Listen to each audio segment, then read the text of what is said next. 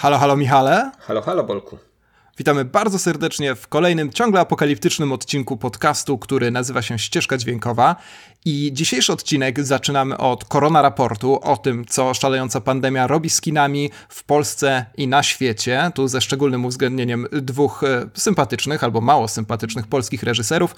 Później wygrzebujemy w ramach tej całej manii polecankowej bardzo dziwny zbiór filmów, e, dostępnych oczywiście za darmo w internecie, a później takie dwie klasyczne recenzje, omawiajki. Czego, Michał? Co to za filmy? No po pierwsze film o wielu tytułach. W lesie dziś nie zaśnie nikt, bądź nikt nie zaśnie w lesie dziś, bo dziś nie zaśnie w lesie dziś nikt. Zaśnie w lesie wy? Nikt, no właśnie, tak? tyle tytułów, ile, ile chcecie. A po drugie mm, tytuł, no, którego nie da się przekształcać w jakiś y, bardzo złożony sposób, y, chociaż polski dystrybutor przekształcił w oryginale L. Ojo, po polsku platforma. Tak, czyli z dziury zrobiła się platforma. Moi drodzy, jeżeli chodzi o ten pierwszy film o bardzo skomplikowanym tytule, to z tego co dobrze pamiętam, rzeczywiście spoilujemy, ale robimy to bez żalu. A jeżeli chodzi o drugi film, to nie spoilujemy. Dopiero w końcówce podcastu omawiamy też końcówkę tego filmu. Staramy się jakoś efektownie zinterpretować, ale zostaniecie ostrzeżeni. Także zapraszamy. Zapraszamy.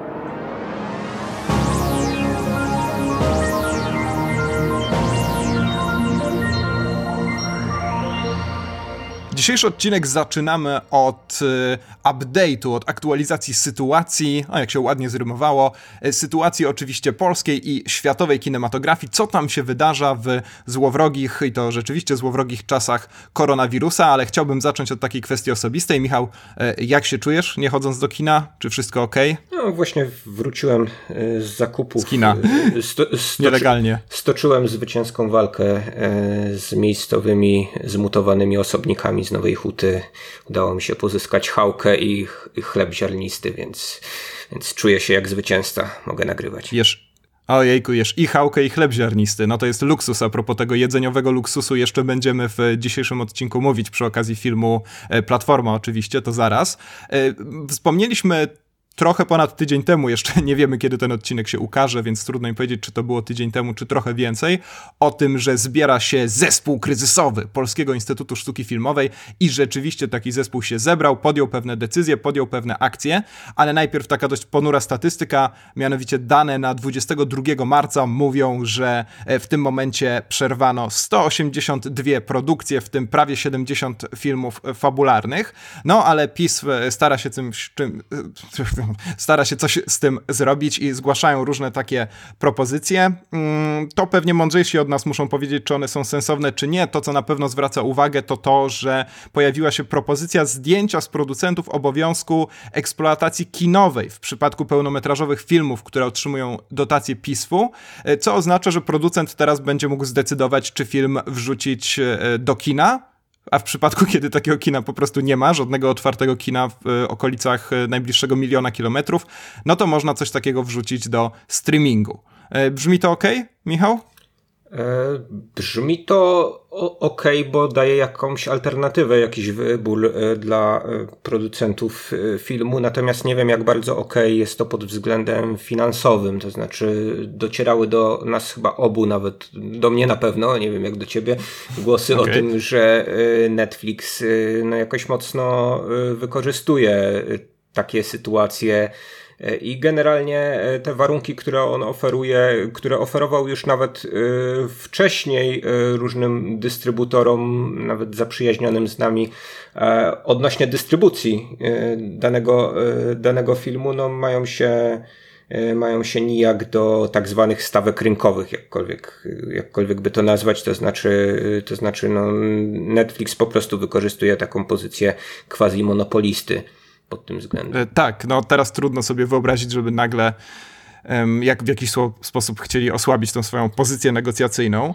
Znaczy, Druga oczywiście, sprawa... oczywiście mhm. tylko jeszcze skończę, no, a, jakieś alternatywy różne się otwierają, dlatego że to jest tak, że, że przecież e, no właśnie ostatnio mówiliśmy, że taki film Sala Samobójców Hater no, był dystrybuowany poza Netflixem, prawda, więc można... Tak in, in, internet oferuje tutaj wiele możliwości. Powiemy sobie o takich yy, możliwościach tak, nie, tak. niektórych dystrybutorów jeszcze, je, jeszcze za moment. Yy, nie jest znaczy nie znam tego rynku też od środka na tyle, żeby e, komuś e, odradzać korzystanie tak, tak, tak. E, z usług Netflixa pod tym względem, pod względem dystrybucji jego filmu, no bo pod jakimś takim względem tego, do ilu osób on dotrze, no to to jest, czyli taki aspekt prestiżowy, no być może tu jest tu jest dla niektórych nawet istotniejszy niż koniec końców i tak okrojone wpływy do kasy, a ja, ale, ale jak to się przełoży w ogóle na zauważalność niektórych mniejszych polskich produkcji, no zakładam, że one mogą gdzieś po, znikać niestety. To znaczy to, to, to, jest, to jest system na, naczyń połączonych, to znaczy te mniejsze filmy promowane też były przez festiwale, których no, w tym momencie przez jakiś czas nie będzie, prawda? Więc y, część, y, przy, znaczy jeśli chodzi o polskie filmy, no to jeszcze może się y, to reżyserom uda i producentom w taki sposób, że do festiwalu w Gdyni ta sytuacja się unormuje, no a tak, Gdynia, tak, zawsze, Gdynia zawsze, no plus Koszalin, tak, dla młodych twórców, e, to są Festiwal Młodzi i Film, to są takie mhm. miejsca, w których, w których no to polskie kino jakoś, jakoś najmocniej się promuje, zauważa. E, pojedyncze polskie premiery mają też miejsce zwykle na Nowych Horyzontach, takie bardziej arthouse'owe, więc no, zobaczymy, czy te festiwale będą w stanie tutaj pomóc tym, tym mniejszym filmom, no bo one wrzucone znowu gdzieś tam e, w otchłanie Netflixa, e, oczywiście nie wypromowane przez Netflixowe algorytmy e, należycie, no mogą, mogą po prostu zniknąć z radaru zupełnie. Tak, tak. No tutaj ja szczególnie martwię się o film Eastern, o którym słyszałem w Gdyni same dobre opinie. Nie zobaczyłem go w Gdyni, nie dałem rady niestety i liczyłem, że już zaraz uderzę na premierę, też nie poszedłem na żadne pokazy prasowe, no i nagle zamknęli mi kina, no i teraz nie wiadomo, co z tym Easternem się wydarzy, a to film ponoć przeinteresujący, więc mam nadzieję, że rzeczywiście go gdzieś zobaczę, mam nadzieję, że będzie to rzeczywiście kino. No jeżeli chodzi o te filmy, o których wspominasz, to zobaczymy oczywiście, czy uda się je w ogóle ukończyć. Ciekawe jest też to, że e, od tego momentu, to znaczy nie wiem, czy to od momentu, kiedy to zostanie rzeczywiście już prawnie uchwalone, to wszystkie filmy będą traktowane traktowane jako tak zwane filmy trudne. Film trudny to jest taka pismowa kategoria, która dotyczyła do tej pory przede wszystkim filmów, e, no tak naprawdę też po prostu trudnych w oglądaniu, to znaczy takich o rzeczywiście e, bardzo, bardzo, bardzo małych e, aspektach komercyjnych, no i rzeczywiście przedstawiających problemy realizacyjne. W tym momencie uznanie wszystkich filmów za trudne pozwoli na podniesienie progu pomocy publicznej do 70%, ok. Przeniesiona została wysokość, tak upraszczając to do dość mocno dofinansowania kolejnych faz filmów, to znaczy rozwój projektu development teraz e, będzie mocno faworyzowany i bardzo dobrze, wydaje mi się, że może dojdziemy wreszcie do takiego zdrowego układu, kiedy właśnie film jeszcze na poziomie developmentu dostaje dużo pieniędzy i tych filmów e, być może zaowocuje to tym kiedyś w lepszych czasach, że wreszcie e, po prostu to dofinansowanie developmentu, rozwoju obejmie dużo więcej tytułów. I dzięki temu rzeczywiście po latach, latach, latach pracy nad jakimś tytułem kilka z nich doczekają się realizacji i rzeczywiście dostaniemy filmy, które już wcześniej, w cudzysłowie, na papierze zostały dobrze przygotowane. Jak wiemy, na tym etapie developmentu zwykle wiele polskich filmów się wykłada i kiedy później takie scenariusze nie do końca właśnie rozwinięte zostają przenoszone na ekran, no to to niestety przynosi smutne skutki, e, ale tu pewnie patrzę za daleko, to jednak trudno to zarządzanie kryzysowe przenieść na to, co być może wydarzy się, kiedy już wszystko się uspokoi. No zwłaszcza, ale że też, też są mhm. inni potrzebujący, tak jak kiniarze, prawda? E, tak, tak, no właśnie. I tutaj jeszcze kolejna rzecz. E, zastanawialiśmy się dość głośno i intensywnie w ostatnim odcinku nad e, pomocą dla kiniarzy.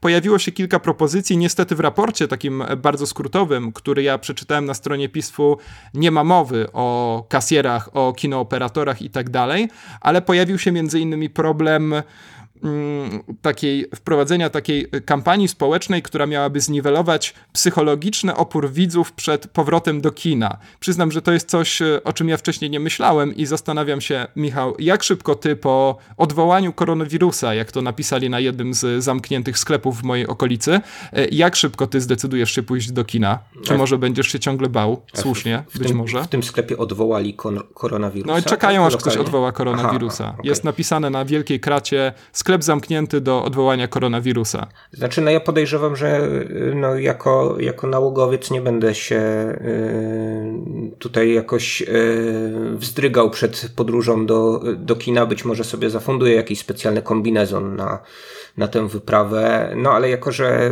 właśnie muszę te wszystkie y, okoliczne peregrinacje odbywać, o których tutaj, tutaj mówiłem, y, po zakupy mhm. co jakiś czas i i nawet e, musiałem ostatnio przebyć całe miasto e, w drodze po mojego laptopa do miejsca pracy, w związku z czym no, wy, wy, wy, wychodzę z założenia, że, że, że miałem tyle już okazji, żeby, żeby coś złapać, że jedna więcej na, na jakimś znakomitym filmie. To myślę, tak. że my, myślę, że będę selekcjonował filmy teraz na te, dla których warto podjąć ryzyko. Tak? To znaczy zawsze zawsze tak selekcjonowałem filmy, ale tym razem no, po prostu ryzyko będzie większe. Nie? E, tak, tak, to jest e, bardzo dobry pomysł. No ja uważam, że chodzenie do kina w ogóle z definicji jest takim dość e, dziwnym procederem, ponieważ no, dajesz się dobrowolnie zamknąć w ciemnym pomieszczeniu z wieloma obcymi osobami, więc jeżeli tego się nie boicie, to być może rzeczywiście e, podejmując oczywiście wszystkie odpowiednie środki ostrożności, kiedy już będzie można, to, to chodźcie do tych kin.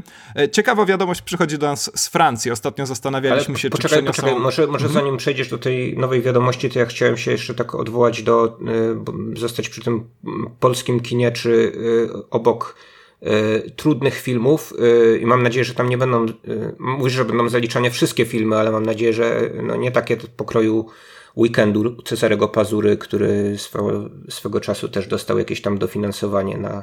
Tak, to, to jest zawsze problem. Wspaniałe A, dzieło. Jakie filmy dostają. I, czy, i czy, czy obok tego y, została powołana kategoria trudnych twórców, bo o takich trudnych twórcach tam nawet ty mi donosiłeś ostatnio, y, którzy nie chcą zejść z planu, y, chociaż. A, chociaż tak, powinni. właśnie, zostańmy. Dziękuję ci bardzo, że przypomniałeś o tym. Zapomniałem to wpisać do notatek, ale na szczęście wysyłałem ci regularnie linki z popularnego filmowego portalu pudelek.pl, więc wiemy o tym. I rzeczywiście w Polsce w czasach koronawirusa pojawiło nam się dwóch niepokornych twórców.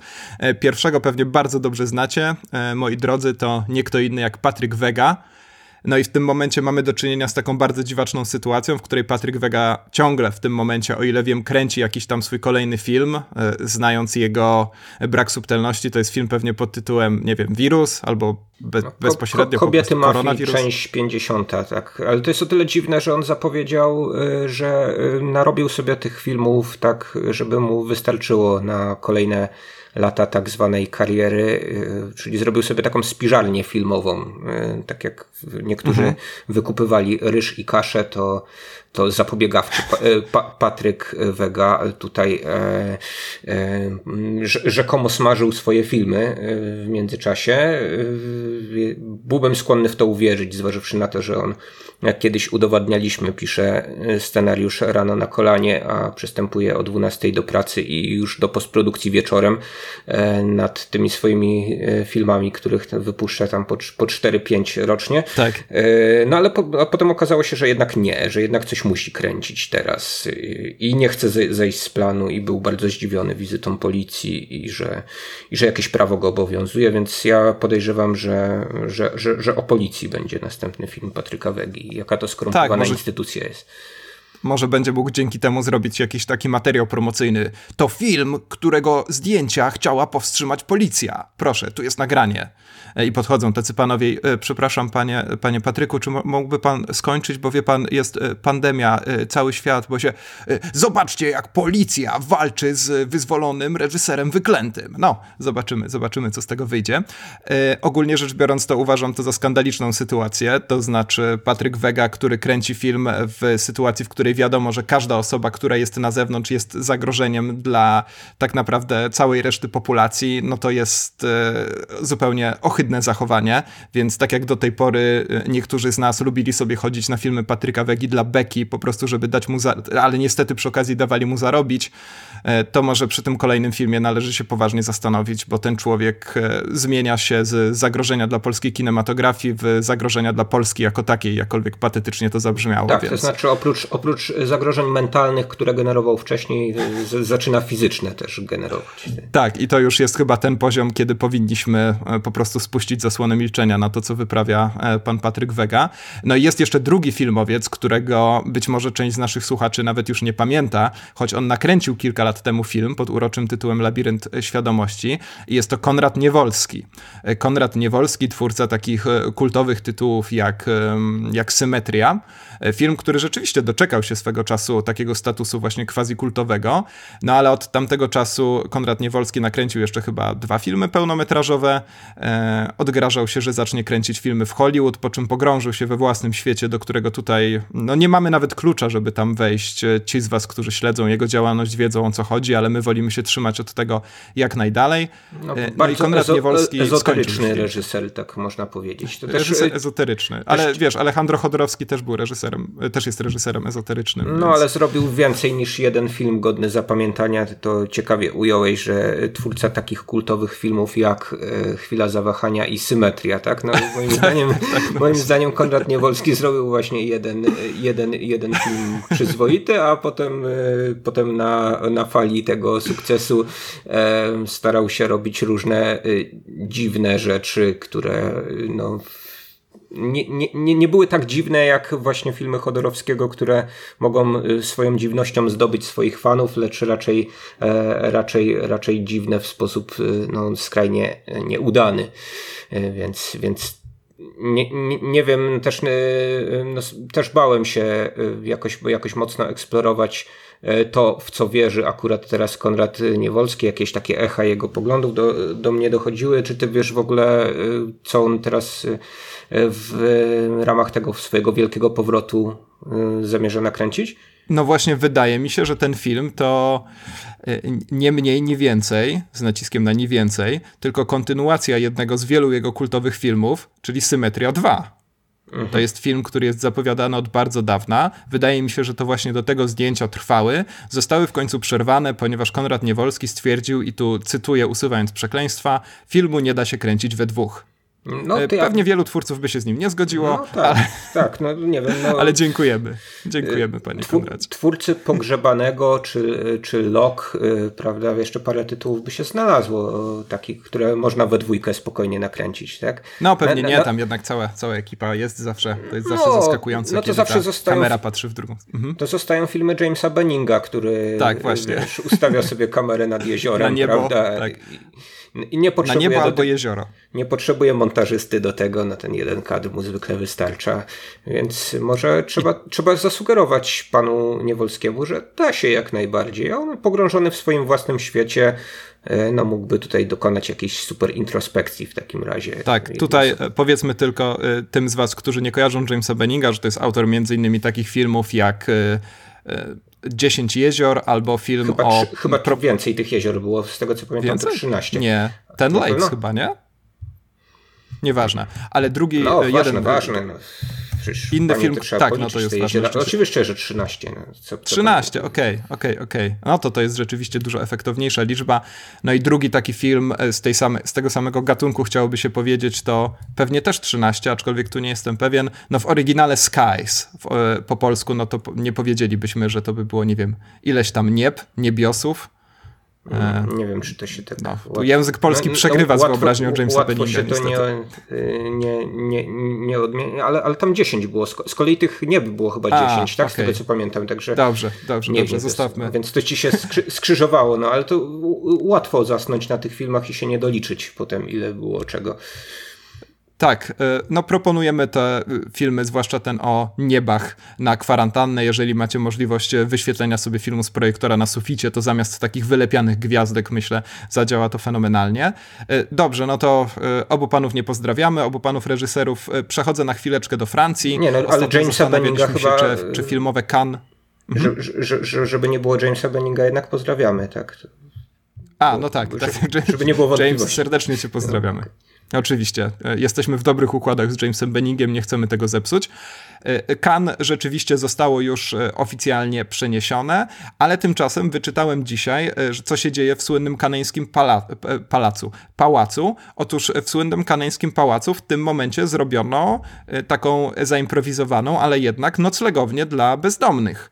I z tego co wiem, to co noc jest tam od 50 do 70 osób dotkniętych bezdomnością, którym mierzy się temperaturę, zapewnia podstawową opiekę, wyżywienie i tak dalej. Nie wiem, czy to dobrze działa, bo artykuł jakoś mocno się w to nie wgłębiał, a cała reszta informacji była już niestety w języku, którym nie władam, czyli języku francuskim, ale idea jest wspaniała. Uważam, że zmiany w ogóle czegoś, co się nazywa pałac, na, na coś, co rzeczywiście pomaga ludziom dotkniętym bezdomnością, to jest w ogóle wspaniała idea i wszystkie pałace powinno się powinno się tak Jasne, potraktować. Tylko, tylko to nie jest yy, przemiana jakaś taka zupełnie drastyczna z tego, co z kolei do mnie dotarło. To znaczy, ja się opieram mm. na informacjach zasłyszanych w radiu i tam mi powiedziano, że absolutnie ci bezdomni mogą też e, oglądać filmy, że tam są telewizory i konsole do gry i no to super. kontakt z kulturą mają mimo wszystko zapewnione, nie tylko te takie najpotrzebniejsze e, najpotrzebniejsze Grasz na konsoli i jednocześnie mierzą ci temperaturę. No to to mm. jest, to jest bardzo dobre. No, niektóre, bardzo dobry niektóre, niektóre, gry wymagają tego, czasami może się podnieść. Tak, to, to, prawda. E, nawołujemy do tego, żeby wszystkie pałace zostały w ten sposób e, przekształcone. Naprawdę. E, no i wspominałeś o tym, że Chińczycy wracają do wyświetlania, teraz też Szanghaj zaczyna powoli otwierać kina. Rzeczywiście ten repertuar składa się z takich hitów jak Interstellar, któraś tam część Harry'ego Pottera i tak dalej. Trzeba zeskanować odpowiedni kod QR, który mówi, czy jesteśmy chorzy, czy nie, kiedy kiedy wchodzimy do kina, ale już w ten weekend, y, czyli mm, ten weekend, a my nagrywamy w piątek, y, w Szanghaju będzie można znowu y, do kina chodzić, więc coś tam się, coś tam się zaczyna wydarzać, aczkolwiek te wszystkie sytuacje z okolic chińskich, że tak powiem, wydaje mi się, nie mają żadnego porównania do naszej sytuacji, ale zawsze można gdzieś tam się tym pocieszyć. No tak, no, trzeba, trze, trzeba tutaj przyjąć to założenie, że u nas właśnie rozwój pandemii jest przesunięty w czasie, tak, w stosunku do tego chińskiego, więc na takie rozwiązania trochę poczekamy. Raczej się wprowadza mm, rozwiązania alternatywne. No dzisiaj dotarła do mnie wiadomość, że kandydaci do Złotych Globów nie, nie będą musieli prezentować swoich filmów w kinach, ale wystarczą właśnie linki do filmów, y, y, nasze ulubione screenery, tak, gdzieś tak, tak, tak. Wy, wy, wy, wysyłane przedpremierowo. No to i... ten pracownik Roberta De Niro, którego kiedyś e, oskarżyliśmy w cudzysłowie o wrzucania wszystkich screenerów do, do sieci, teraz będzie miał pełne ręce mhm. roboty. No, zobaczymy, czy, czy nadąży, nadąży z przerobem. E, zobaczymy, czy też tak się będzie działo w e, przypadku Oscarów. Tutaj, no, mimochodem dopisuje się kolejny rozdział do tej batalii. Ostatnio też o tym trochę mówiłeś e, pomiędzy ludźmi, którzy chcieliby zdelegalizować Netflixa i inne platformy streamingowe w ubieganiu się o nagrody wszelakie.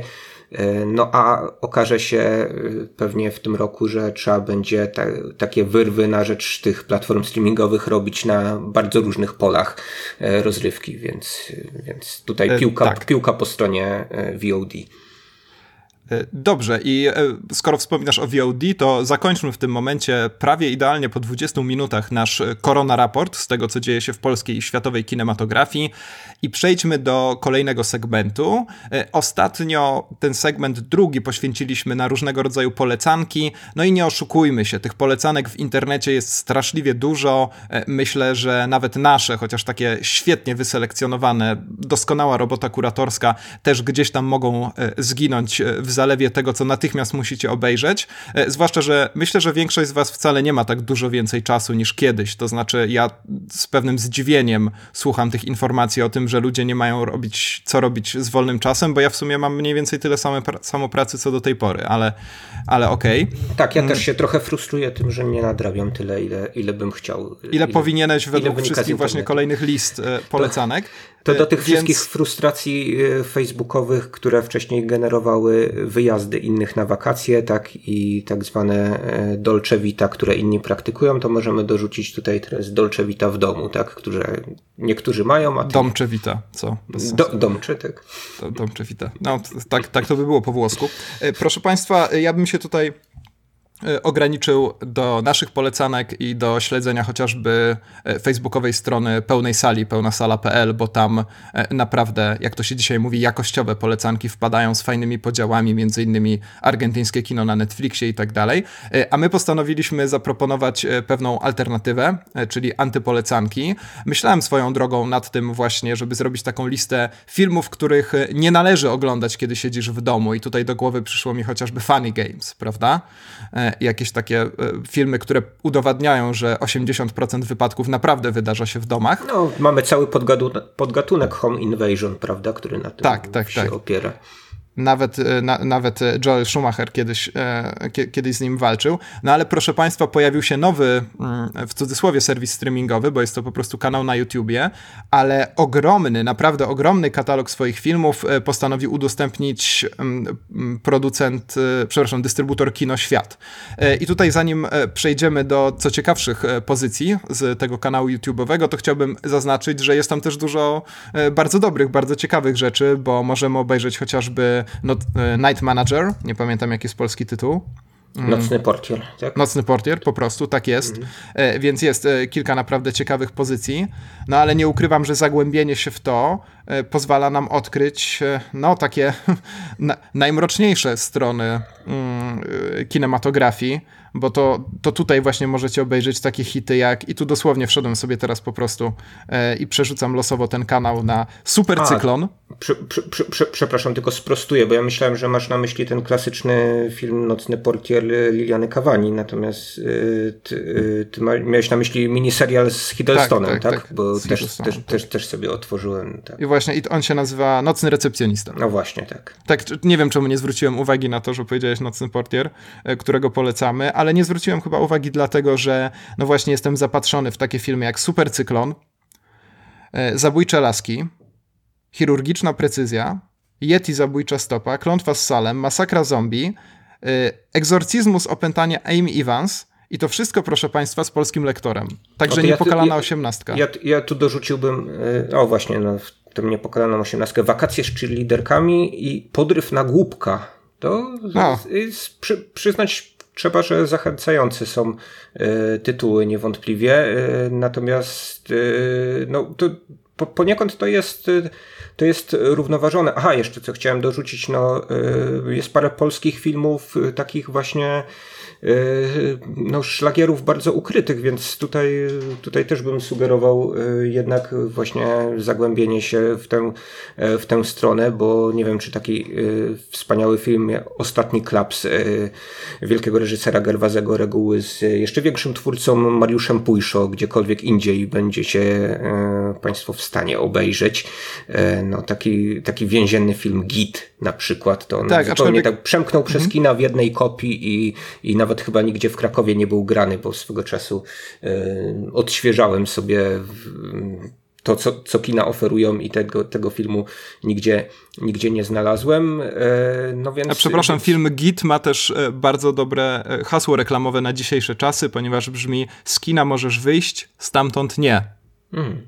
No, to to, to dorzu, dorzu, dorzucamy do polecanek na, e, na izolację. Natomiast y, y, jeśli chodzi o no, film dla koneserów, nie tylko właśnie jakiegoś takiego przedziwnego undergroundowego kina, ale też kina, kina artystycznego, to ku mojemu zdumieniu wyświetliła mi się tutaj także legenda o świętym pijaku. Być może dorzucona tylko dlatego, że jest pijak jest w tytule, tak? I tak. święty pijak to pewnie będzie generować yy, zdaniem, zdaniem kinoświata też yy, jakieś niesamowite przepływy ludzi, którzy chcieliby zobaczyć, jak święty pijak wygląda. Natomiast no, ja serdecznie polecam ten film niedawno zmarłego reżysera włoskiego tak. Ermana Olmiego z niedawno, z niedawno zmarłym, zmarłym, aktorem Rutgerem Hauerem.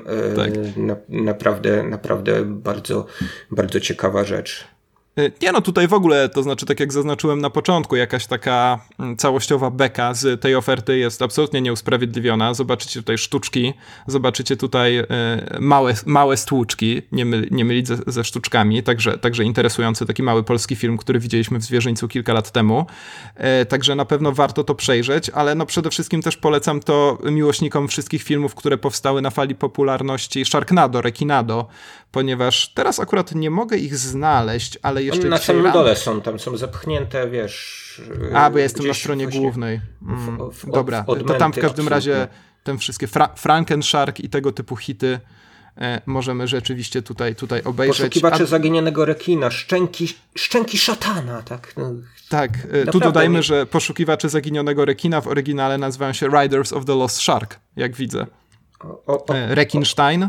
Oprócz, Rzeczywiście. oprócz tego znalazłem film jak najbardziej na czasie, który nazywa się Ebola Zombie. No to Korona Zombie przecież już doczekało się pierwszego teasera. Film, który pewnie powstał w podobnie niebezpiecznych warunkach, które teraz preferuje Patryk Wega. I rzeczywiście mm, jest to film opowiadający o zombie walczących o papier toaletowy. Także y, naprawdę w, tych wszystkich ofertach streamingowych to, co dzieje się na kanale, który nazywa się Kinoświat VOD, VOD. Nic nam nie e, no, zapłacili za tę y, niby reklamę od razu. Nie, chyba jakby zapłacili, to teraz musielibyśmy zwrócić te pieniądze, więc... E, nie, no, polecili, no, poleciliśmy bardzo dużo tytułów, nie wiem o co ci chodzi. Zabójcza plaża, w oryginale The Sand, największy koszmar Anakina Skywalkera, jak wiadomo. O, film pod tytułem Redystrybutorzy, Dobrze, to znaczy, szczerze mówiąc, e, widzę taką sytuację, w której ten podcast e, zmienia się po prostu w wymienianie tytułów z tego kanału. Sexy Mania w bikini. No ja myślę, A, to jest klasyczny All American e, Bikini Car Wash. To wydaje mi się, że to jest... Zresztą większość z tych filmów, które wyczytaliśmy, to jak mi się wydaje, są po prostu filmy produkcji legendarnej wytwórni Azylum. E, która specjalizuje się w przeróżnych e, e, podróbkach znanych, znanych blockbusterów. Tak oceniam po kolorystyce plakatów, która jest w Azylum bardzo charakterystyczna. No, no zostawimy to odważniejszym od nas. wydaje mi się, że bardzo zręcznego też słownie marketingowca mają w kinoświecie, który tutaj podkręca nawet niektóre tytuły oryginalne bardzo, bardzo ładnie, tak żeby się one one świetnie, e. świetnie sprzedawały, ale dziękuję też temu dystrybutorowi, że uświadomił mi, że legendarny film Showgirls miał swój sequel, bo ja o tym nie miałem pojęcia, prawdę mówiąc, że, że istnieje Showgirls 2. E, no Czy tam i... też uprawiają seks w basenie? Nie wiesz, bo nie widziałeś jeszcze, okay. Skoro nie miałem pojęcia o tym filmie, to raczej ciężko. Myślałem, że od razu sprawdziłeś. Prawdę mówiąc, kusiło mnie, ale powiedziałeś mi za późno o istnieniu tego, tej strony, mhm. więc, więc, więc nie zdążyłem. Dobrze, to ja e, podsumuję e, to, te nasze rozważania nawiązaniem do tego, o czym wspomniałeś przed chwilą, to znaczy podkręcaniu tytułów. Otóż film, który w, w oryginale nosi e, taki dość banalny, powtarzalny tytuł The Resistance, w Polsce dystrybuowany jest pod tytułem Ninja kontra naziści. Mhm. Także no i mm. dobrze, no i nie, nie trzeba jakiegoś dodatkowego tagline'u. Wszystko, o, wszystko Film Blooming. Flowers nazywa się Kung Fu Clan. Ja myślę, że ktoś bardzo dobrze się bawi, yy, wymyślając te tytuły. Być może. O, tu nawet mamy. O, czekaj. na światu. Tak, no mamy tutaj różne, no dużo tych, dużo tych podróbek e, mockbusterów. Dobra, e, zostawmy to, bo tak jak mówię, grozi nam po prostu całkowite pogrążenie się w tym. E, I przejdźmy do tych klasycznych segmentów podcastu, który nazywa się Ścieżka Dźwiękowa, czyli do omawiania filmów. Teraz w najbliższych dniach, tygodniach, pewnie niestety też no, musimy się z tym pogodzić dłużej, będziemy skupiać się oczywiście na filmach dostępnych w kinie domowym, no bo innych nie ma po prostu. Inne kino już, moi drodzy, nie istnieje. Ja słyszałem, e... że kina samochodowe gdzieś zaczęły A właśnie. w Stanach zyskiwać e, popularność, bo e, no, taka forma wydaje się w miarę bezpieczna, że podjeżdżasz swoim samochodem i oglądasz coś na wielkim ekranie. Obawiam się, że niewiele tych kin samochodowych zostało, ale chyba, chyba są nawet jakieś takie właśnie próby improwizowania na nowo czegoś, co cieszyło się szczególną popularnością e, no, w połowie XX wieku w Stanach Zjednoczonych, więc może i do nas dotrze tego typu, e, tego typu rozrywka. Może tak, rzeczywiście, choć e, no to by było ciekawe, kiedy rzeczywiście no, zupełnie obca nam formuła nagle się pojawia. Swoją drogą pamiętam, kiedy przy okazji bodajże festiwalu filmów kultowych, a w każdym razie ta sama grupa organizowała takie pokazy kina pod chmurką. Nie do końca pod chmurką, bo między chmurką a wami był jeszcze dach samochodu. Mało kto w Polsce ma kabriolet, ale mm, być może teraz e, odgrzebią te swoje napompowywane ekrany i tak dalej. No, kibicuję. Czemu, z, z, czemu zawsze nie? można jakąś chmurkę sobie wypuścić w trakcie oglądania. Tak? A propos, y, a propos A propos kina, które tak znakomicie sprawdzało się w kinach samochodowych, aczkolwiek e, kiedy przeżywało swój rozkwit, no to rzeczywiście kina samochodowe, e, no już wydaje mi się coraz bardziej się wycofywały, to porozmawiajmy sobie teraz o produkcji, która była reklamowana e, najpierw jako pierwszy polski horror, później jako pierwszy polski slasher, czyli film pod tytułem, no i tu niestety mam bardzo duży problem, żeby go zapamiętać, zapisałem sobie w lesie dziś nie zaśnie nikt. No to szkoda, szko, szkoda, że nie przekręciłeś, bo ja zaproponowałbym słuchaczom takie drinking game e, no, oparte na, na bazie tego, ile wersji jesteś w stanie powiedzieć tego tytułu. To od tego momentu postaram się za każdym razem przedstawiać inną wersję filmu pod tytułem Lesie dziś zaśnie nikt nie, wy. E, i zobaczymy, e, no, na ile jakby takich limitów normalności mi wystarczy. Swoją drogą skomplikowany tytuł tego filmu sprawił, że z frustracji prawie go nie obejrzałem, ponieważ e, włączyłem sobie Netflixa na konsoli i na padzie zacząłem wpisywać tytuł i w momencie, kiedy zacząłem go wpisywać, to oczywiście zapomniałem ten tytuł, cały czas wpisywałem jakieś inne słowa, Netflix mi go nie wyświetlał, no i chciałem już wyrzucić pada przez okno, ale później sobie przypomniałem, że jeżeli wyrzucę pada na zewnątrz, to już nie będę mógł po niego wyjść, więc powstrzymałem się i udało mi się ten film zobaczyć. Ale e, Chciałbym, czy, żebyś... czy przy okazji mhm. oceniłeś negatywnie e, wyszukiwarkę Netflixa? Która no, jest w stanie... oceniam ją negatywnie, tak. Właśnie domyślić się mhm. po prostu, tak? No. Tak, ja intensywnie myślę o jakimś filmie, to powinienem go już, powinienem go natychmiast oglądać. Czekam oczywiście na, na, na, taką zaawansowaną technologię. Michał, chciałbym, żebyśmy pogadali sobie krótko o tym, czy czekaliśmy na ten film, czy wiązaliśmy z nim jakieś nadzieje, czy wiązaliśmy nadzieję z nazwiskiem e, Bartosza M. Kowalskiego, bo przecież to nie jest debiutant. E, ja nie ukrywam, że kiedy dowiedziałem się pierwszy raz o istnieniu filmu Lesie wy nie zaśnie nikt dziś, czy jakoś tak, e, to raczej ten film zignorowałem, choć oczywiście moją uwagę zwróciła Julia Wieniawa, której jestem ogromnym fanem. E, ale e, sam film raczej ignorowałem, dopóki e, koleżanka Monika, która wiem, że słucham podcastu, więc serdecznie ją tutaj pozdrawiam, nie zwróciła mi uwagę, że film ten reżyseruje właśnie Bartosz M. Kowalski. I Bartosz M. Kowalski to jest człowiek, który wcześniej nakręcił film Plac Zabaw i chciałbym tutaj, zrobiłem to kiedyś na naszym Facebooku, ale e, chciałbym to powtórzyć, e, mianowicie warto wejść na profil pana Bartosza M. Kowalskiego w popularnym polskim serwisie Filmweb, e, zupełnie niemoderowanym, jak się zaraz dowiemy, e, w którym po filmie Plac Zabaw pojawiły się m.in. takie komentarze. JPRD. Są ludzie, którzy są dewiantami, są ludzie chorzy, są ludzie z gruntu patologią. Zastanawiam się, kim pan, pan wielką literą, więc jest szacunek, jest po obejrzeniu tego filmu. Co pan czuł? Co pan chciał przekazać? Jak działa pana mózg tworząc takiego gniota, jakim jest ten film? Powinno zabrania się panu dotykać do jakiegokolwiek scenariusza, bo jest pan zły, słaby. Tworzy pan coś, po czego obejrzeniu ludziom chce się żygać. Wielokropek. Co innego to artysta. Wielokropek. E, drugi komentarz, tu przeczytam tylko fragment. Jeżeli współtworzył pan scenariusz, a następnie bla bla, taki film jak, taki gniot jak Plac Zabaw, to wybitnie nie nadaje się pan do twórczości, jakiejkolwiek, i teraz uwaga, podkreślenie moje, nie obrażam pana, po prostu zrównuję pana umiejętności do zera absolutnego. No, ja widzę... Dobrze, że nie obrażał. No mhm. tak, ale tu y, trzeba podkreślić, że autorem e, tego komentarza jest osobnik, y, który y, szczyci się pseudonimem, a być może mm, no, imieniem i nazwiskiem, po prostu Lord Morte, w związku z czym no, ktoś taki absolutnie może mieć możliwość zrównywania kogoś do zera absolutnego, jako że jest lordem i to... Panem, panem śmiercią. Panem śmierci tak. właśnie. E, tak, no E, więc e, to oczywiście by wystarczyło, bo jeżeli człowiek, który wzbudza takie gorące reakcje, w każdym razie wśród dwóch użytkowników Filmwebu, e, zabiera się za slasher, no to już należy przyklasnąć temu, ale myślę, że warto się chwileczkę pochylić nad filmem, który wy wywołał te komentarze, czyli nad filmem Plac Zabaw, który rzeczywiście był niezwykle, niezwykle kontrowersyjny. Michał, jakie ty masz wspomnienia z filmu Plac Zabaw?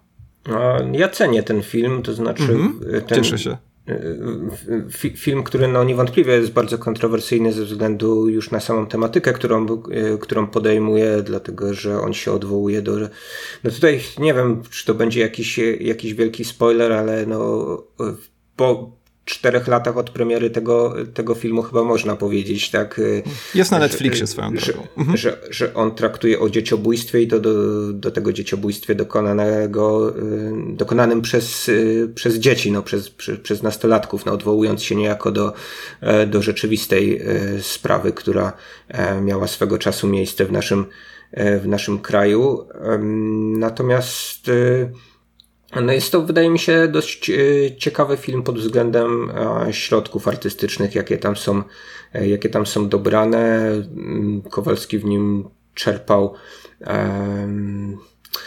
z różnych, że tak powiem, dobrych źródeł tak. pod tym względem na czele z Michaelem Haneke. Tak, być tak. może. Haneke, Van Zandt, trochę te, mm -hmm. te mhm. klimaty. E, wydaje mi się, że świetnie operuje tam właśnie e, dźwiękiem, e, tym co pozadiegetyczne. E, no jest to, jest to, jest to film, który, który, wobec którego, no ja wiem, że to taki wyświechtany frazes, ale naprawdę... Czekaj, nie można przejść obojętnie? Tak, dokładnie, tak. Dziękuję za, za, za wyręczenie mnie w prawieniu frazesów na antenie. Natomiast, natomiast no ja zdaję sobie sprawę, że, że, że, że, że sama tematyka może odrzucać i to, że tutaj Kowalski no też nie, nie uchyla się do końca przed y, no, pokazywaniem tego, co, e, co, co szczególnie szczególnie okrutne i drastyczne, chociaż odsuwa kamerę jakoś możliwie daleko, tak, w tych, e, w, ty, w, ty, w tych chwilach. Mhm. No jest to, jest to film, który spolaryzował nie tylko nie tylko widownie, ale też y, krytyków miał bardzo różne, różne oceny. Też przyjęcie w Gdyni, z tego co słyszałem, to było. Nie widziałem tego filmu akurat na festiwalu w Gdyni, ale słyszałem, że, y, no, że, że, że pojawiły się różnego rodzaju gwizdy i negatywne reakcje na. Tak. Na, na, ja też nie widziałem ale tam, ale, ale też słyszałem o takich gwałtownych reakcjach właśnie. Mhm. No tak, no, natomiast no, nie, nie, czu, nie czułem oglądając tamten film, że jest to jakaś po prostu e, eksploatacja tragedii, że jest to kino, które e, ma za wszelką cenę na celu tylko i wyłącznie wywoływać szok, no bo mm, no wydaje mi się, że, że, że dużo więcej można znaleźć w tym filmie, w tym po prostu obraz też e, takiej Polski, jaką no, dość, dość rzadko jednak y, widzimy na, e, na ekranie naszych, naszych filmów kinowych. E, tak, no film, który ja ogólnie rzecz biorąc zgadzam się z tobą. E, ja również Plac Zabaw sobie cenię. Polecam ten film. Myślę, że nawet rzeczywiście takie pewne spoilery, które w tej twojej wypowiedzi się pojawiły, nie powinny przeszkodzić. Przypominam, ten film jest dostępny na Netflix, więc czemu by go sobie nie obejrzeć? I i co? Coś chciałem powiedzieć? Aha, dobrze, chciałem już przejść tak do, y, do drugiego filmu y, Bartosza M. Kowalskiego, bo tutaj jeszcze druga bardzo ciekawa rzecz y, się zaczęła wydarzać jeszcze przed premierą Lesie w zaśnie dziś, gdzie nikt. E, mianowicie no, pojawiły się różne wywiady z reżyserem Kowalskim, który wykazał się taką rzeczywiście nadzwyczajną znajomością gatunku, e, zarówno slasherów, jak i e, włoskich gialli, które w jakiś tam sposób slashery amerykańskie zapowiadały i rzeczywiście no, okazało się, że że jest nadzwyczajnym e, takim kinofilskim erudytą, chciałoby się powiedzieć, e, więc wszystko to zapowiadało coś e, interesującego, ale dostaliśmy film, który od razu zaznaczę, jest filmem według mnie nieudanym. Nieudanym i do tego niepotrzebnym, niestety.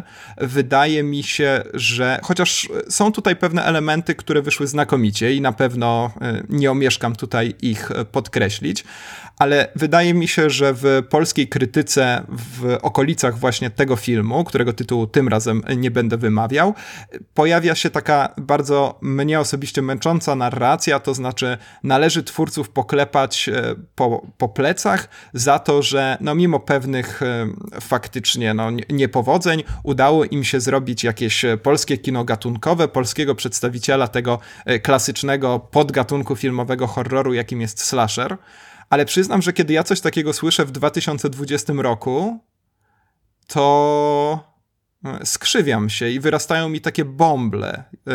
z niesmaku, jak na, jak na ciałach tych dwóch mordujących bohaterów bliźniaków. Zaraz pewnie będę to rozwijał, ale nie wiem, co ty, Michał, sądzisz o tym filmie, bo nie sprawdzałem nawet twojej oceny na Filmwebie.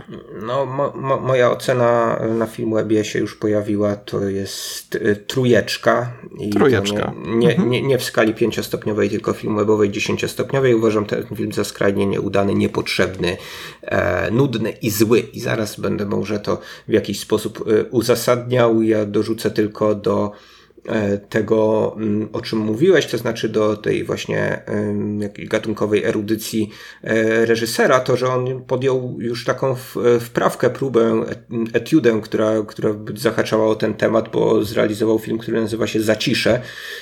Już mm, film, który miał premierę po po placu zabaw. Y, no i ten film był, był bardzo y, raczej y, raczej źle przyjęty, także, mhm. także to, o, o tyle dla mnie, dla mnie interesujące jest, jak bardzo został nakręcony, jak to się dzisiaj mówił, hype, tak, na ten, na ten nowy film Kowalskiego.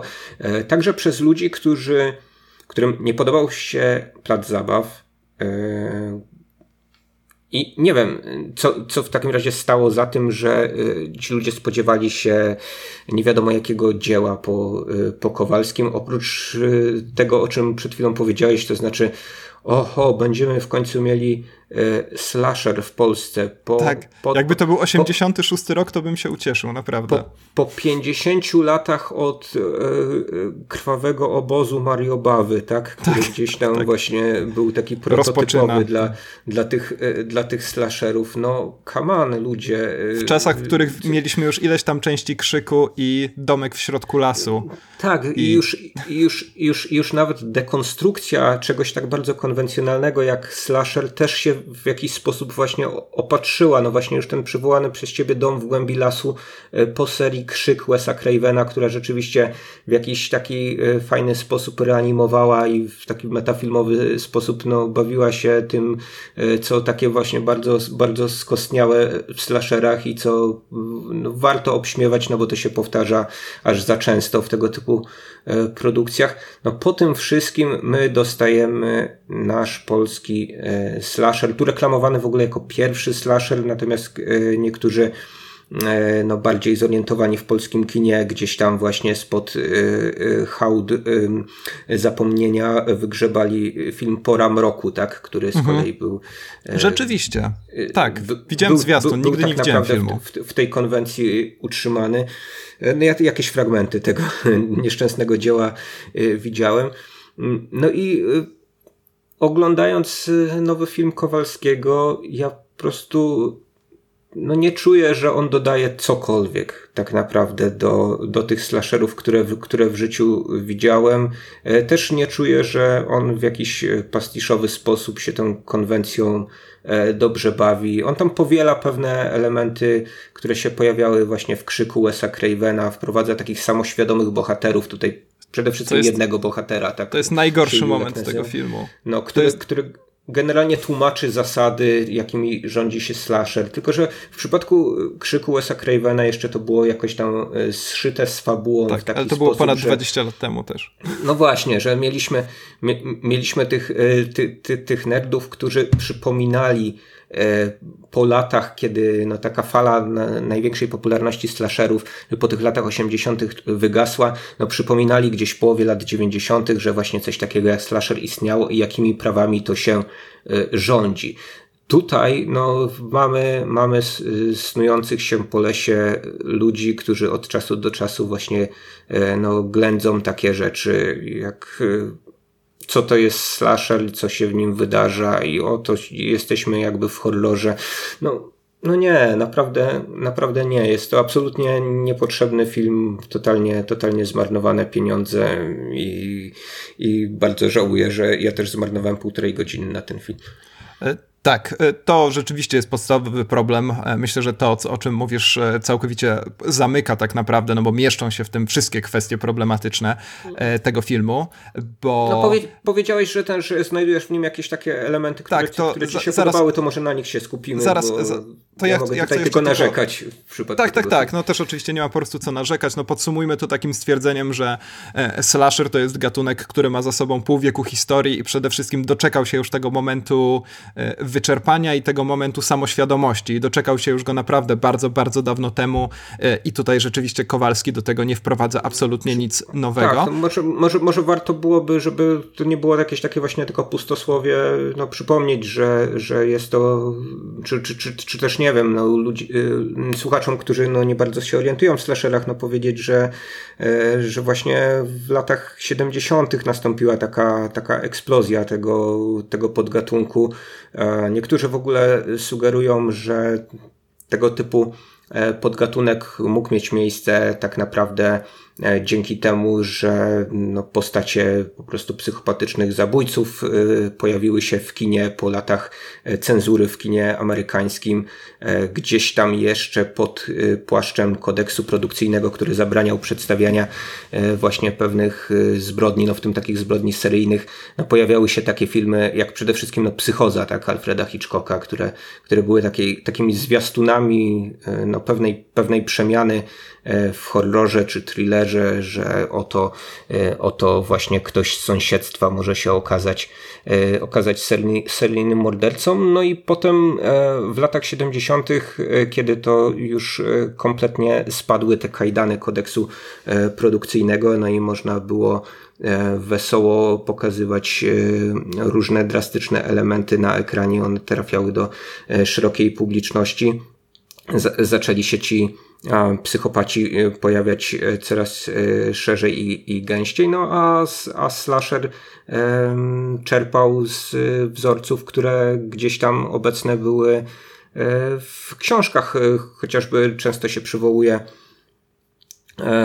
klasyczną powieść Agaty Christie, tak, która dzisiaj chyba już tylko pod tytułem A potem nie było już nikogo, tak, funkcjonuje, natomiast kiedyś, kiedyś się nazywała E, dziesięciu małych murzynków, potem chyba dziesięciu małych Indian. E, Indian tak. to, to, wszystko, to wszystko było nie, niepoprawne politycznie, w związku z czym e, te tytuły się zmieniały, natomiast no, bardzo prosta struktura narracyjna slashera opiera się o eksterminację kolejnych osobników stłoczonych na jakiejś właśnie zamkniętej przestrzeni, zwykle przez jednego właśnie psychopatycznego mordercę, który no, może się wykazywać pewnymi cechami nadnaturalnymi, bądź nie. Różnie to było e, w różnych filmach. E, wydaje mi się, że najbardziej przysłużył się dla rozwoju tego gatunku, no i taką właśnie największą e, popularność zdobył, windując ten podgatunek do, do mainstreamu. No, film Halloween Johna Carpentera z 78 roku to był, to był niesamowity sukces finansowy. No a potem powstały te wszystkie piątki 13, Koszmar z ulicy Wiązów, dziecięce zabawy, czy, czyli właśnie przygody laleczki czaki, w których y, no, wy, wypromowano w ogóle tych psychopatów jako no, pełnoprawnych protagonistów y, filmu. Więc y, tutaj też jakiś nowy rozdział w kinie y, slasher pod tym względem zaproponował jednak, mimo właśnie tej całej swojej konwencjonalności, no, że tak naprawdę poziom zainteresowania widza gdzieś został przesunięty na te sposoby eksterminacji, na te, na te postacie czarnych charakterów, nawet jeżeli one tam w kolejnych odsłonach danej serii E, ponosiły porażkę, no to, no to potem, potem wracały i to one właśnie jakoś tam spajały e, te całe serie filmowe. No więc tutaj też nawet mógłbym mieć zarzut do, e, do Kowalskiego przy okazji, że on nie proponuje mm, jakichś ciekawych postaci tych, tych właśnie mm, Schwarz charakterów dla mnie. Oni mają tam swoje jakieś backstory, mają jakąś swoją genezę, no ale to są takie, tak, tak, takie mutanty, które no, nie, nie, charakter, nie mają jakichś też ciekawych cech charakterystycznych, które po pozwoliłyby ten film gdzieś, gdzieś podnieść w jakiś sposób. Tak, tak, tak. No jednak e, Jason Voorhees e, czy e, Freddy, no to Freddy Krueger, no to są wszystkie postaci. Michael Myers, tak? Czy, czy Michael no, Myers, to są wszystko chociaż. postaci, które no, doczekały się słusznie e, oczywiście no takiego bardzo konkretnego, osobnego właśnie miejsca w kulturze popularnej. No i tutaj kończąc tą twoją zręczną, krótką historię slashera, właśnie po raz kolejny warto przypomnieć, że Wes Craven w Krzyku e, no fantastycznie wywrócił ten gatunek do góry nogami, jednocześnie jednak ciągle oferując znakomity slasher, no bo uważam, że Krzyk, widziałem go oczywiście już bardzo dawno temu, ale pamiętam, że jest to film, który rzeczywiście też działa, nie tylko jako e, film samoświadomy. No i całkiem niedawno przecież pojawił się ten Domek w środku lasu, House in the Woods e, w reżyserii Drew Goddarda, e, który wtedy zaczynał tak naprawdę dopiero karierę. I to jest film, który zupełnie już tak naprawdę postawił ten gatunek na głowie, jednocześnie oferując taką fantastyczną, bardzo zaskakującą, zwłaszcza w tym takim swoim barokowym finale, rozrywkę. Więc zdecydowanie to są takie filmy, które, które się udały. No ja akurat mm. tego domu w głębi lasu nie, nie, nie, specjalnie cenię, natomiast nie będę się nad tym rozwodził. Tu mógłbym polecić raczej Dom Tysiąca Trupów, tak? Jeśli mam jakiś mm. dom polecać. Yy, tak, Roba Zombie. Roba Zombie, tak, który kilkakrotnie już gdzieś tam się pojawiał na naszej antenie, więc... Ja, y, ja lubię, lubię Dom w środku mm. lasu. Y, widziałem go rzeczywiście w okolicach premiery po raz ostatni, ale wrażenia po wyjściu z kina były, były, były pozytywne. Na, tak natomiast podpis, podpisuję się pod tym, co powiedziałeś, że um, Krzyk Y, no przynajmniej w momencie, kiedy go oglądałem, bo też nie odświeżałem tego filmu od czasu mhm. jego, y, jego premiery, y, działał także na poziomie właśnie bycia horrorem. To Krzyk nie jest strasznym filmem, czyli jakąś właśnie taką głupawą parodią, tak, da, danego podgatunku. Krzyk jest udanym pastiszem i dlatego doczekał się kilku odsłon. No i zrealizować udany pastisz jest dość trudno, dlatego że trzeba balansować pomiędzy tym, co właśnie E, zabawne, tym co e, obnaża jakieś reguły rządzące gatunkiem, e, ale jednocześnie no, trzymać się właśnie takiego niby poważnego przedstawiania całości. No, potrafią to bracia Cohen, dosyć często mieliśmy, mieliśmy przykłady z różnych gatunków filmowych, że im to, im to wychodzi, na przykład Ścieżka Strachu jest świetnym pastiszem kina gangsterskiego, no ale potrafił to też Wes Craven. Moim zdaniem Bartosz Kowalski tego nie potrafi. No, on tak zapowiadał ten swój film, że właśnie, no wydawałoby się, że cała jego wiedza filmowa tutaj właśnie zmaterializuje się w taki sposób, że on będzie e, w stanie gdzieś te wszystkie puzzle poukładać, tak, że e, zasugerować widzowi, że on jest po prostu świadomy tego, jak, e, jak ten gatunek wygląda i co jest, gdzie są w nim różnego rodzaju potknięcia, gdzie są różne, różne dziury, ale że on o tym wie i on to, on to przedstawia jednocześnie dodając dodając coś zupełnie nowego. E, no nie, nie, nie, nie jestem zdania e, takiego jak niektórzy, że, że ten film się broni na poziomie pastiszu, że te wszystkie głupie rzeczy, o tak, takie ujmę skrótowo w tym filmie, a których jest bardzo dużo i mogę je zaraz wymienić. Nie. nie. No to mogę nawet, na, na, nawet odesłać do różnych dyskusji filmwebowych na na forum Filmwebu, które, które, które już takie, takie, takie rzeczy wymieniają. Jak, no, ale muszę powiedzieć o tym, że no, też jak ktoś tam postawi kościół w środku lasu, tak, albo, albo wprowadzi tę postać y, Mirosława Zbrojewicza, która gdzieś tam powraca, chociaż nie powinna powrócić, nie wiadomo czemu. Powraca taka, po to, żeby jest. w środku filmu zatrzymać całą akcję i opowiedzieć no, bohaterom historię tak. naszych złowrogich mutantów, podczas gdy bohaterowie wyraźnie mówią, że potrzebują pomocy, ale postanawiają jednak zasłuchać się w opowieść. No, e. jest, jest, jest, jest, jest to po prostu męczące. To znaczy, no, okej, być może niektórych to, to, to, to bawi, że to, jest, że to jest absurdalne, tak, że ta postać się tam pojawia nagle po, po jakimś takim czasie i właśnie robi to, o czym przed chwilą, przed chwilą powiedziałeś, to znaczy, zanim zamiast reagować w jakiś sposób na to, jednak powstrzymuje tych bohaterów. To, że bohaterowie się strasznie głupio zachowują, e, gdzieś tam notorycznie kręcąc się w kółko, tak, wracając w dane miejsce, mnie to, mnie to nużyło, tak, no. Tak, no jeżeli chodzi o bohaterów, to mnie właściwie męczą dwie sprawy. Po pierwsze, próba takiego przełamania stereotypów, e, która tam e, manifestuje się w tym, że e, dbająca o urodę blondynka tak naprawdę chce być, czy też ma być przedstawiona jako postać bardziej złożona, czy taki facet, który miałby być typowym mięśniakiem jest gejem. No i w praktyce całe to przełamanie stereotypów sprowadza się do tego, że ta dwójka przez chwilę o tym rozmawia, po czym giną, a w każdym razie w jakiś tam sposób inny ta dyskusja zostaje przerwana, więc jest to no, taki pomysł, który jest bardzo interesujący i warty eksploracji ale zostaje przerwany i to w taki zupełnie dosłowny, brutalny sposób. Druga sprawa to jest postać Zosi, graną przez, e, granej przez moją ulubioną Julię Wieniawę, e, która jest jest bardzo dziwnie napisana, ponieważ tam jest wyraźna sugestia tego, że ona przeżyła jakąś traumę, później dowiadujemy się, co to jest za trauma. No i zwykle w takich scenariuszach, w których to rzeczywiście działa, to okazuje się, że taki scenariusz horrorowy, właśnie spotkania z czymś nadnaturalnym, niespotkanym i jednak stawienia temu czoło, czoła służy do tego, żeby przepracować w jakiś sposób pewne kwestie związane z tą traumą. Tutaj tymczasem mamy jakieś dwie zupełnie osobne rzeczy, nijak do siebie niepasujące i w rezultacie żadnego takiego katarzis na koniec, kiedy Julia Wieniawa rozjeżdża tego jednego z mutantów, no nie ma, ponieważ tak no. naprawdę te dwa wątki się zupełnie od siebie na którymś etapie odlepiły i to jest chyba tak naprawdę mój taki największy zarzut związany z tym filmem, że no nawet taka podstawowa kwestia tutaj się e, nie udała. I jest to znaczy, mi Poza tym, poza tym, że powraca tutaj e, samochód i powraca tutaj telefon, tak, jako jakieś takie podstawowe rekwizyty, które gdzieś tam właśnie z tą postacią są związane i są pod tym względem jakoś tam istotne. No mogły być jeszcze bardziej przemyślane, e, zważywszy na to, że ten cały obóz tutaj, w którym akcja się dzieje, no jest takim właśnie obozem offline, tak, i,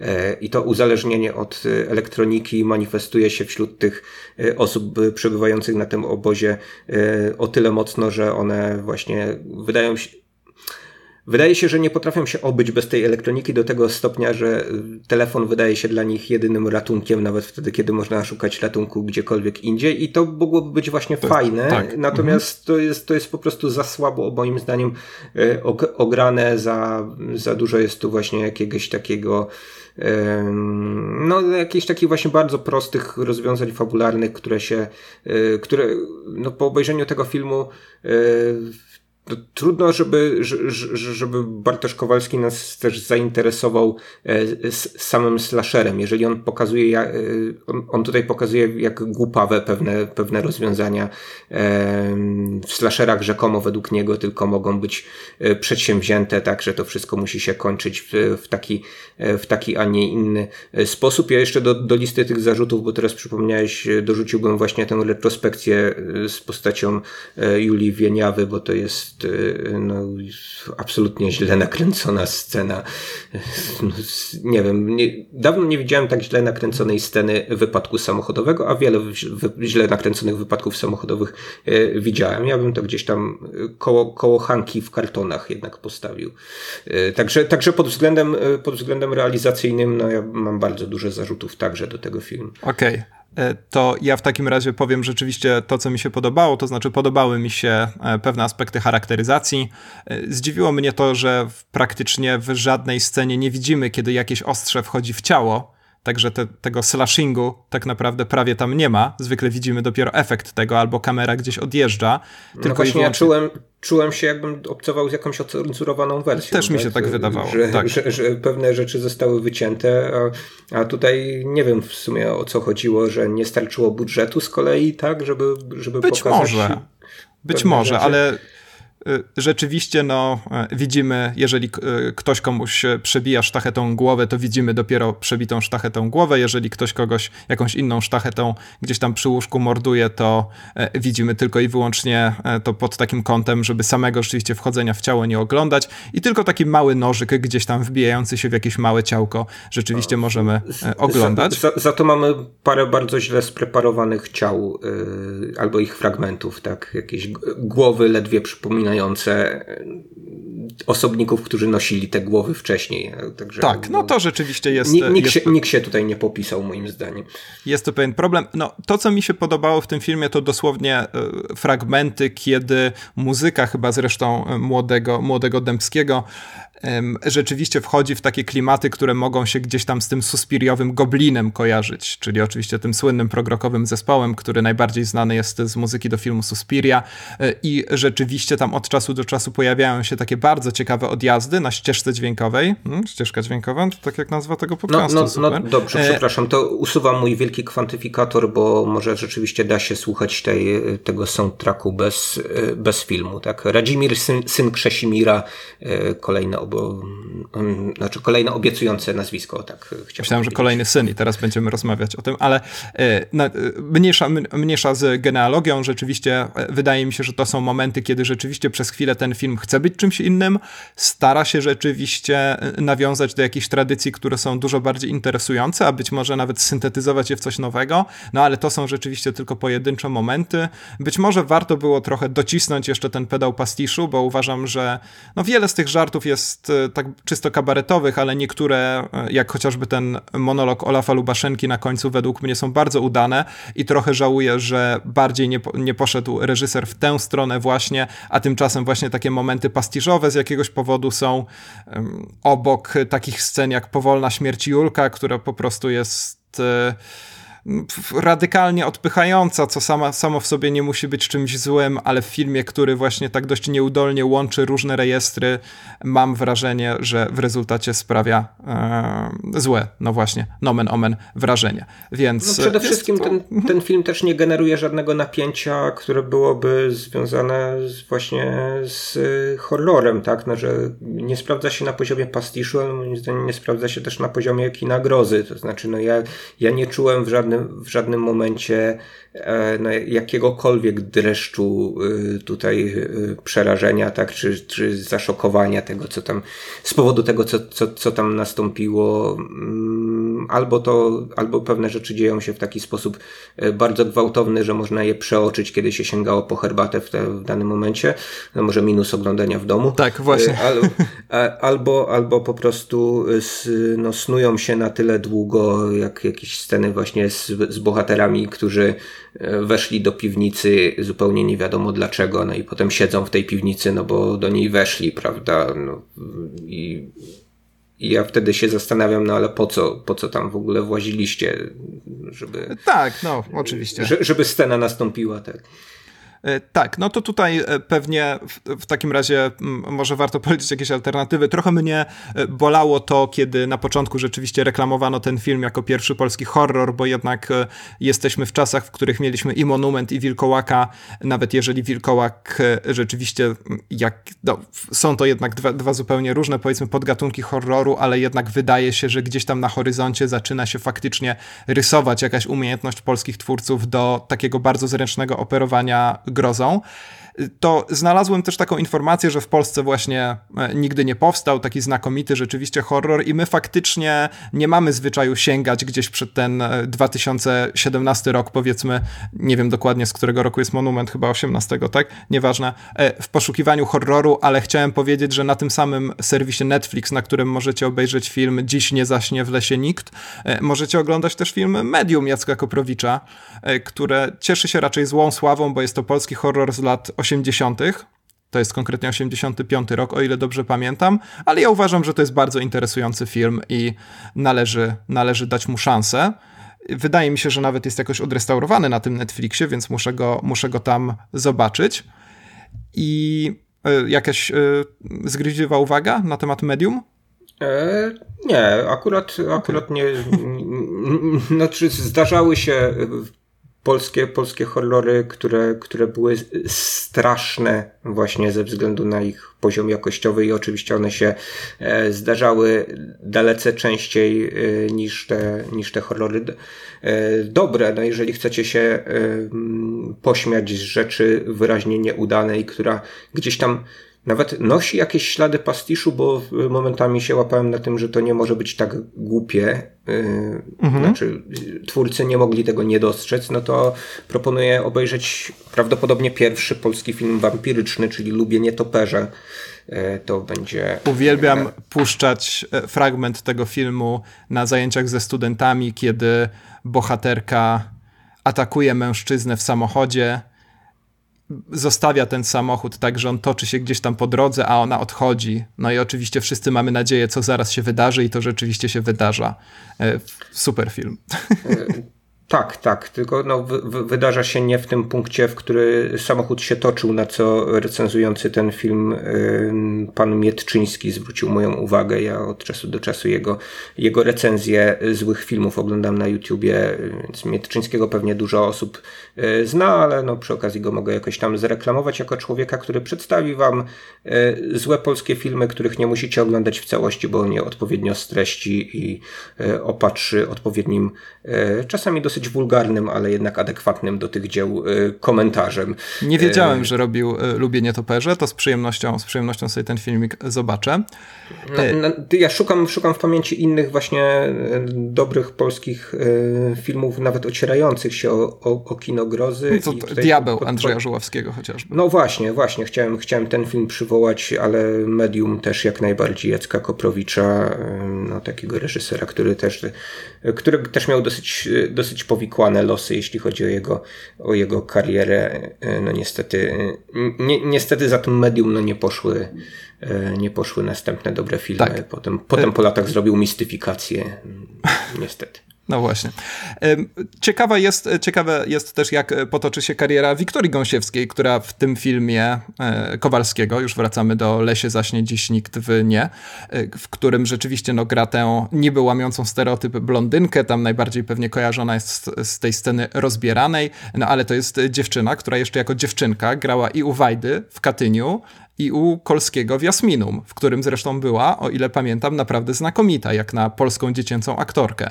Więc e, zobaczymy, zobaczymy, jak rozwinie się jej kariera. E, bardzo, e, bardzo mnie to ciekawi.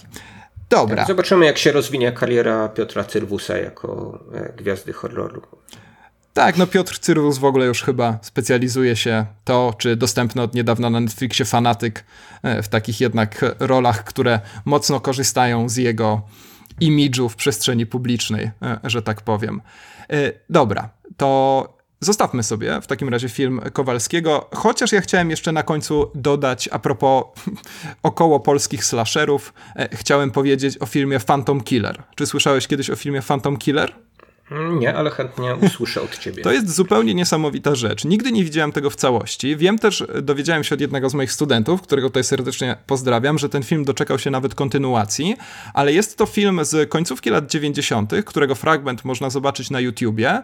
Jest to film robiony przez wydaje mi się, że Brytyjczyka, który występuje pod polskim pseudonimem i rzecz polega na tym, że mamy tam fragmenty filmów e, polskich, ale nie tylko polskich, także ogólnie rzecz biorąc Europy Wschodniej, mówią tam też chyba po rosyjsku, po ukraińsku, e, które są zmontowane w jakąś niby horrorową historię i do tego są napisy po angielsku, e, które opowiadają zupełnie inną historię niż ta, którą słyszymy w oryginalnych dialogach, które jako Polacy, w każdym razie większość z nich jesteśmy oczywiście w stanie zrozumieć.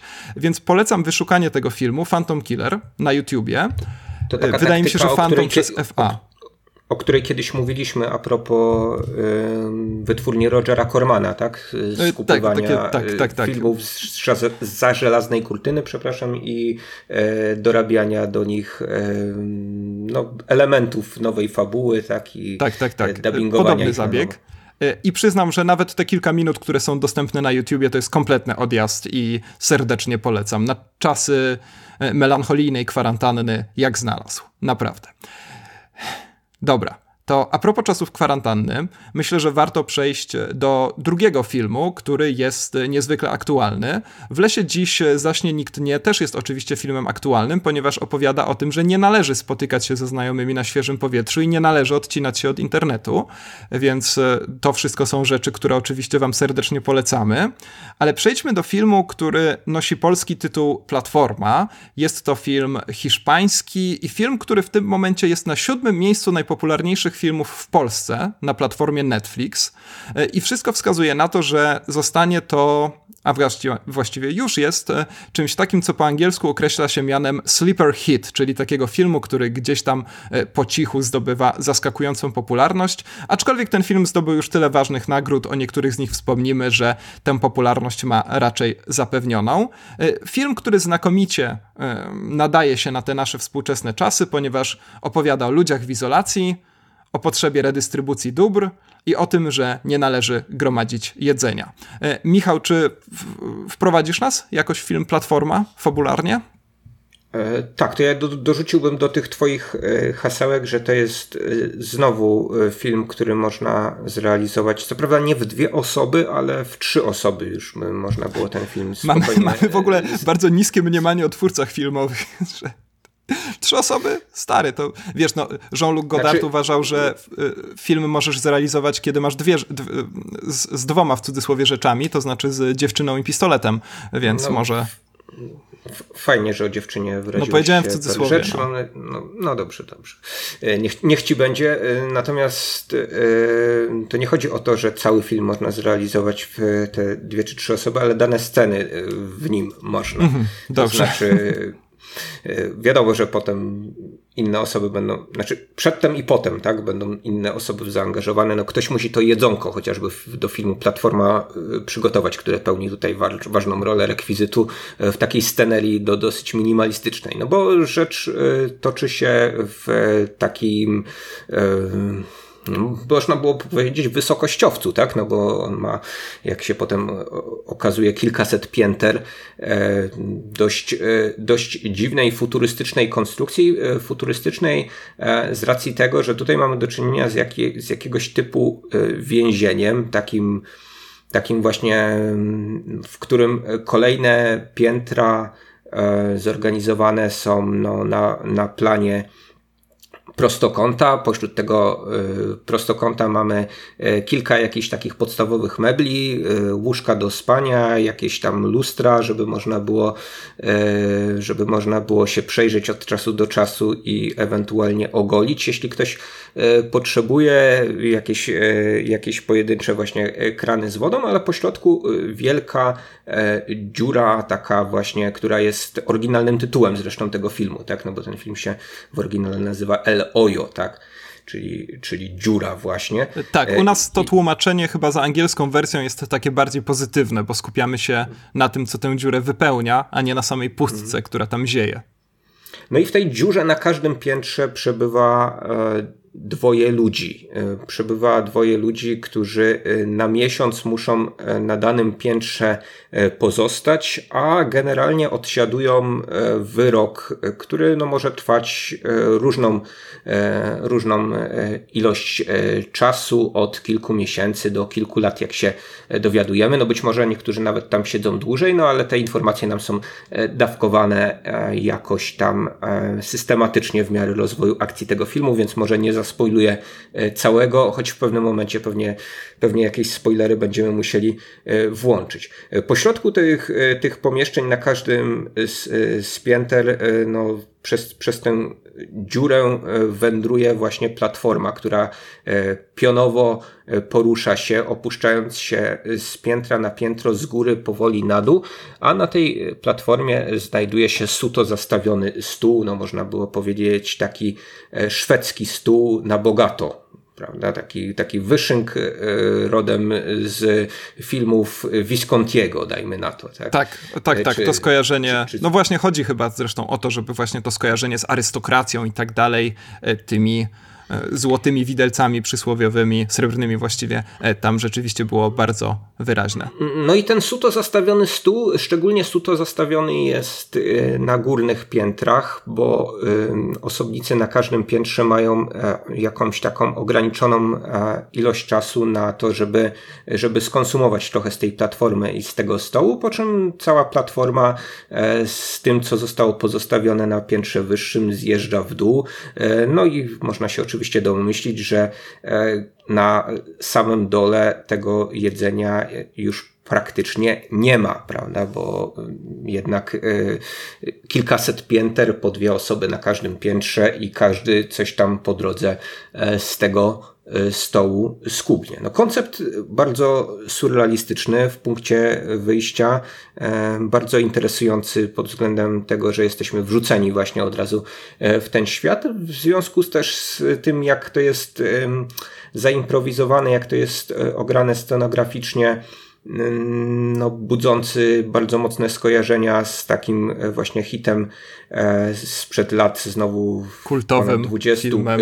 Cube, Cube, tak, który, który czasami jako sześcian był tłumaczony nawet na, na, język, na język polski, w którym to filmie z kolei bohaterowie no, byli za, zamknięci w takim więzieniu, pułapce złożonym z no, szeregu tych właśnie sześcianów, w każdym mogli jakiś, jakąś widowiskową śmierć ponieść, więc no, to taka można powiedzieć, e, synteza e, no, slashera, tak, też, też właśnie e, z późniejszym jednak dziełem Piła, tak, które doczekało się wielu odsłon, no ale osadzona w, ta synteza w takiej właśnie futurystycznej czy surrealistycznej właśnie scenerii, więc można powiedzieć, że film, film Platforma trochę, trochę pożycza, od filmu Cube, ale y, chcę być czymś innym niż taką opowieścią survivalową tylko i wyłącznie. A mianowicie czym chcę być jeszcze?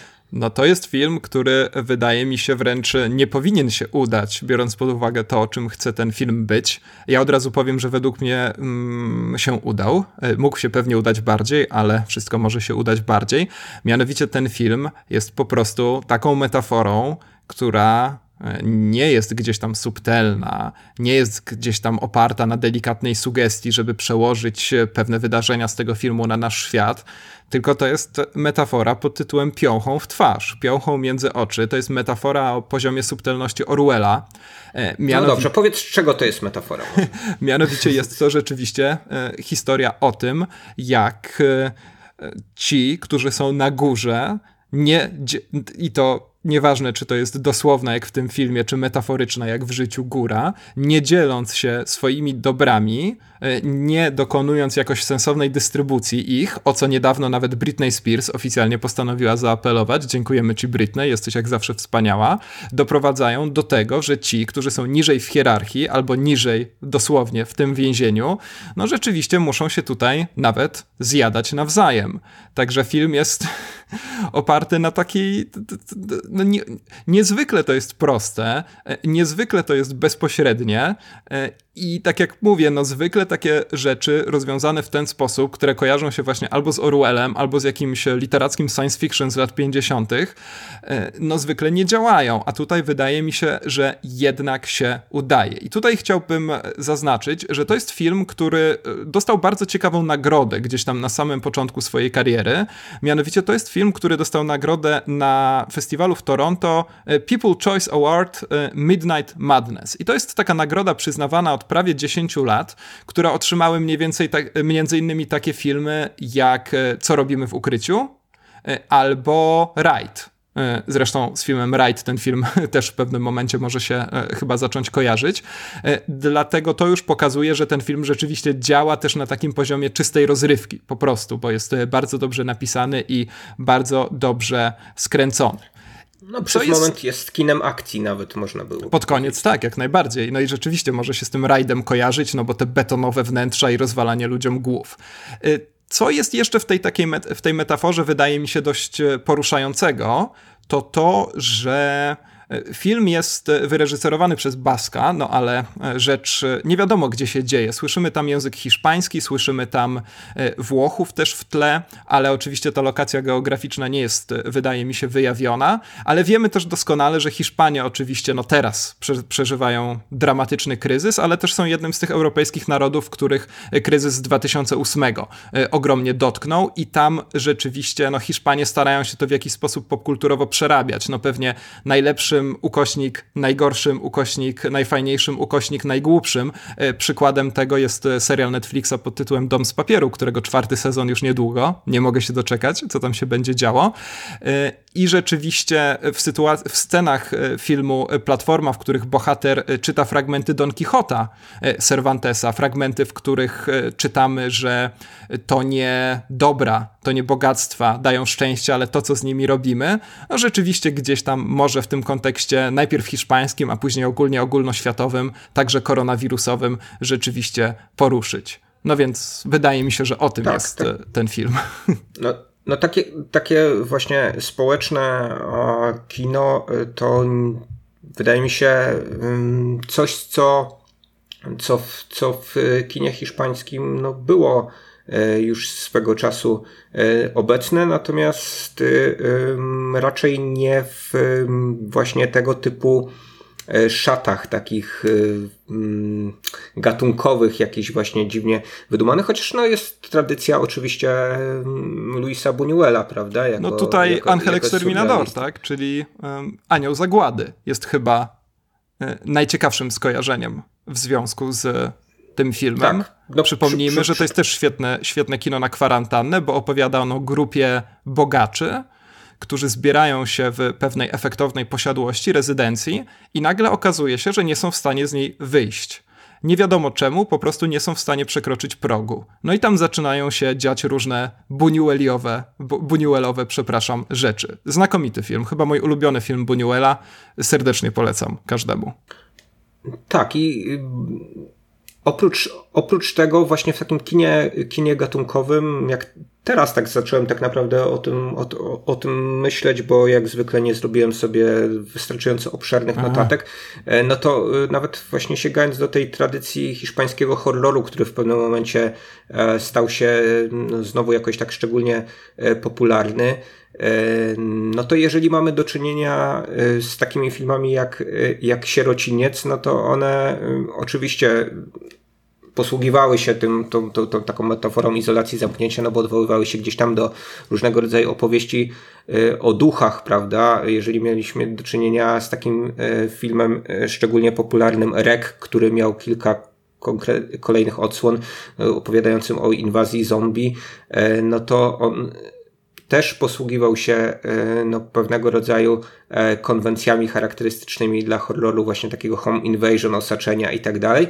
ale mhm. jakoś, jakoś, jakoś myślę o tym, że wyjątkowo udanie e, te, tego typu filmy Hiszpanom wychodziły. Filmy o ludziach stłoczonych właśnie na jakiejś małej przestrzeni, też zmuszonych do tego, żeby ży żyć razem, czy być razem w tej przestrzeni, czy przetrwać razem w tej przestrzeni, mimo że bardzo wiele ich dzieli, że bardzo wiele, że pochodzą gdzieś z różnych klas społecznych na przykład, albo mają bardzo, bardzo różne poglądy, że ten taki przysłowiowy hiszpański temperament gdzieś tam się e, cały czas ujawnia w ich relacjach, że nie potrafią oni się e, dogadać i, e, no i film, film właśnie Platforma wydaje mi się być godnym spadkobiercą tego typu filmów. Próbą zrealizowania podobnego filmu, jak teraz o tym myślę, jest chyba film Alexa Della Iglesi Właśnie, Bar. Mhm. Niestety, moim zdaniem, nieudany film o ludziach, właśnie, którzy też przypadkiem no, zostali zatrzaśnięci w tytułowym, w tytułowym barze i w, no, wobec dramatycznych wydarzeń na zewnątrz nie mogą z tego, z tego baru e, wyjść, no a jednak właśnie różnice, które ich dzielą prowadzą do jakichś właśnie bardzo gwałtownych, e, gwałtownych animozji, e, więc znowu takie kino społeczne, metaforyczne, posługujące się kilkoma postaciami w danym zamkniętym Y, miejscu. No niestety, tak jak powiedziałem, to nie jest, nie jest, nie jest udany film Alexa Della Iglesi, no, reżysera, który miał e, dużo lepsze filmy na swoim koncie, żeby wymienić takie jak e, Zbrodnia Perfekcyjna, chociażby tak, tak, tak. tak, tak. E, tak, no właśnie chciałem wspomnieć o Aleksie de la Iglesi jako tym e, chyba teraz e, najważniejszym przedstawicielu takiego kina, które rzeczywiście bardzo mocno flirtuje z gatunkami, ale stara się je poprzestawiać podług własnej wrażliwości. Rzeczywiście czasem to wychodzi, czasem niestety zdecydowanie gorzej. Zgadzam się, że Bar to rzeczywiście nie jest najlepszy przykład.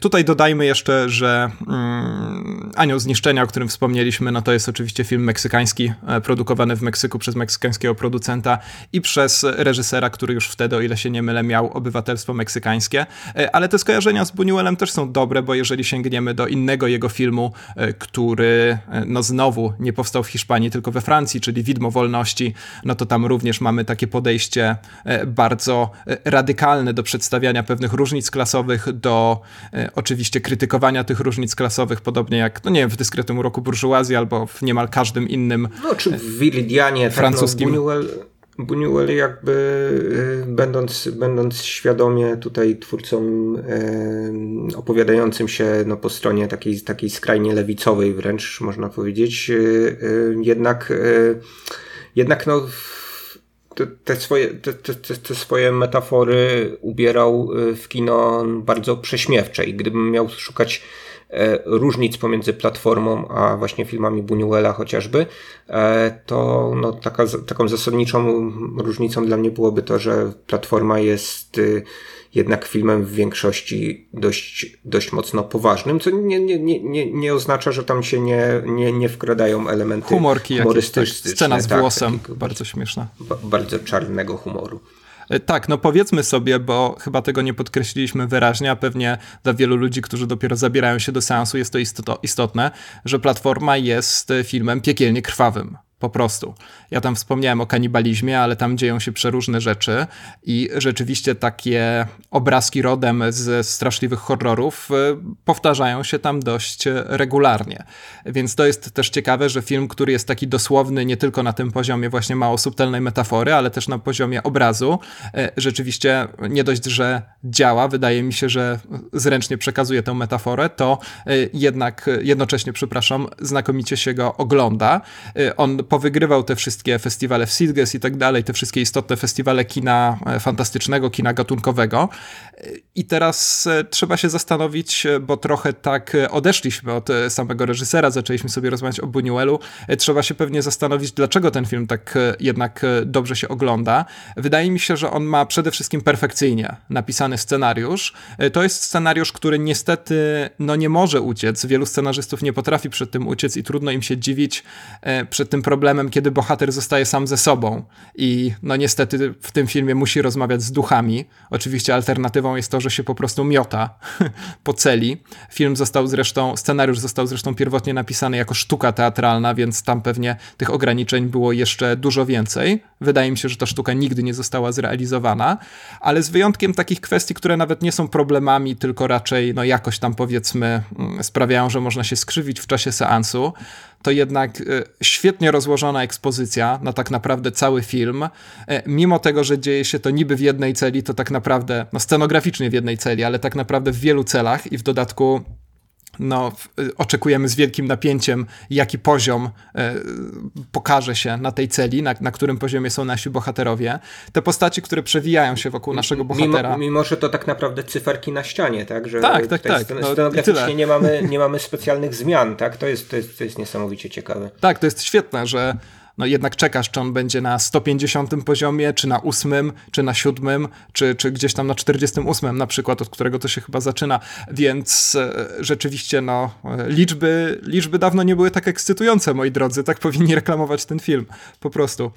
E, więc e, myślę, że przez to właśnie jak fantastycznie udało się ograć te takie niezwykle ograniczone środki, to ten film rzeczywiście, rzeczywiście działa. W końcówce, o której wspomniałeś, że zmienia się już w takie dość wyraziste kino akcji, wydaje mi się, że autorzy scenariusza starają się tę taką wyrazistość i bezczelność metafory trochę rozmyć, trochę unieść je w takie, w takie poziomy abstrakcji, bardziej intelektualnej niż e, tak mocno bezpośrednio zaangażowanej i wtedy ten film niestety trochę traci. No ale nie zmienia to faktu, że poprzednie, wiesz, 80 minut jest naprawdę, naprawdę, naprawdę dobre.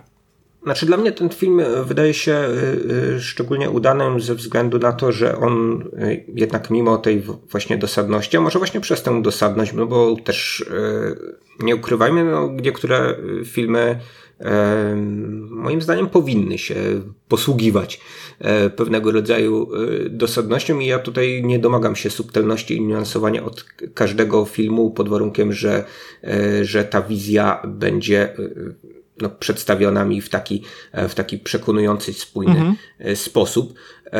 To znaczy, wydaje mi się, że ten film jest o tyle ciekawy, że mm, obok tej diagnozy społecznej, którą możemy gdzieś przykleić do współczesności, czy generalnie do historii ludzkości nawet, tak? No bo to można powiedzieć, że ten film gdzieś, no może niektórzy nie uważają go za metaforę współczesności, tylko że za metaforę jakichś czasów minionych, tak? to się ogarnijcie. Jakoś, jakoś była Wyjdźcie mocniejsza. z domu. No, E, no, podyskutujesz sobie w, o tym filmie. Ja widziałem bardzo, bardzo ostre boje na Filmwebie. Pewnie e, zwolennicy i różnych ideologicznych teorii ze sobą toczą, więc, więc, więc będziesz mógł forsować taką... Tak, marzę o tym, e, żeby spędzić tak, kwarantannę swoją... kłócąc się z ludźmi na Filmwebie. O, jest, jest, na to, jest na to trochę, trochę czasu, zachęcamy do kłótni z nami. E, znaczy, kończąc, kończąc tę myśl, e, wydaje mi się, że ciekawe jest nie tylko to, że ten film jest swego rodzaju diagnozą, ale także, że stara się pokazać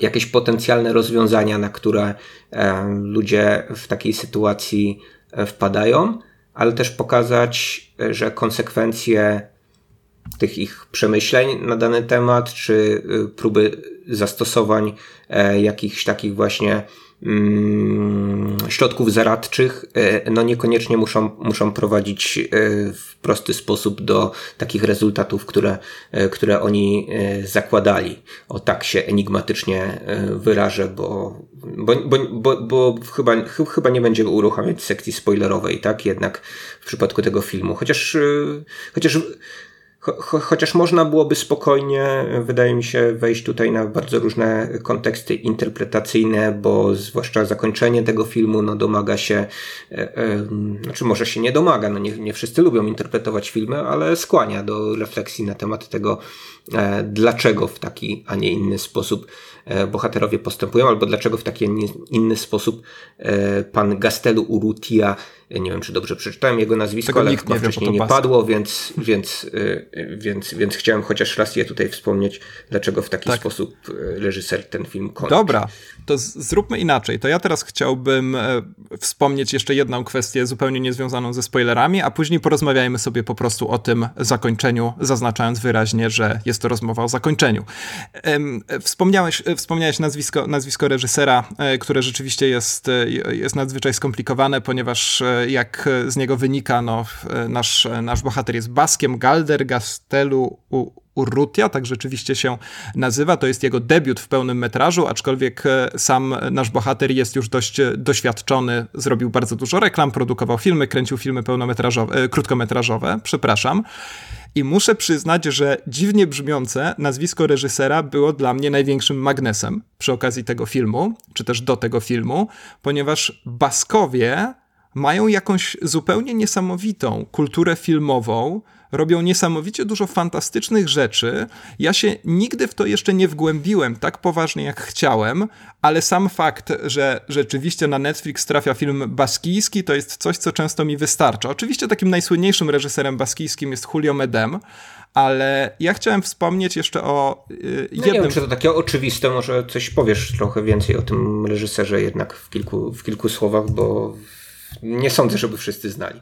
No to na pewno Julio Medema e, warto sobie gdzieś tam odświeżyć. On pojawia się, wydaje mi się, że nawet na niektórych serwisach streamingowych e, w Polsce. Jego filmy, co ciekawe, są dość regularnie dystrybuowane, aczkolwiek nie wiem, czy Drzewo Krwi trafiło do e, polskich kin. Na pewno trafił film Mama, no i z takich najbardziej, najbardziej znanych jego filmów to jest Lucia i, i Seks.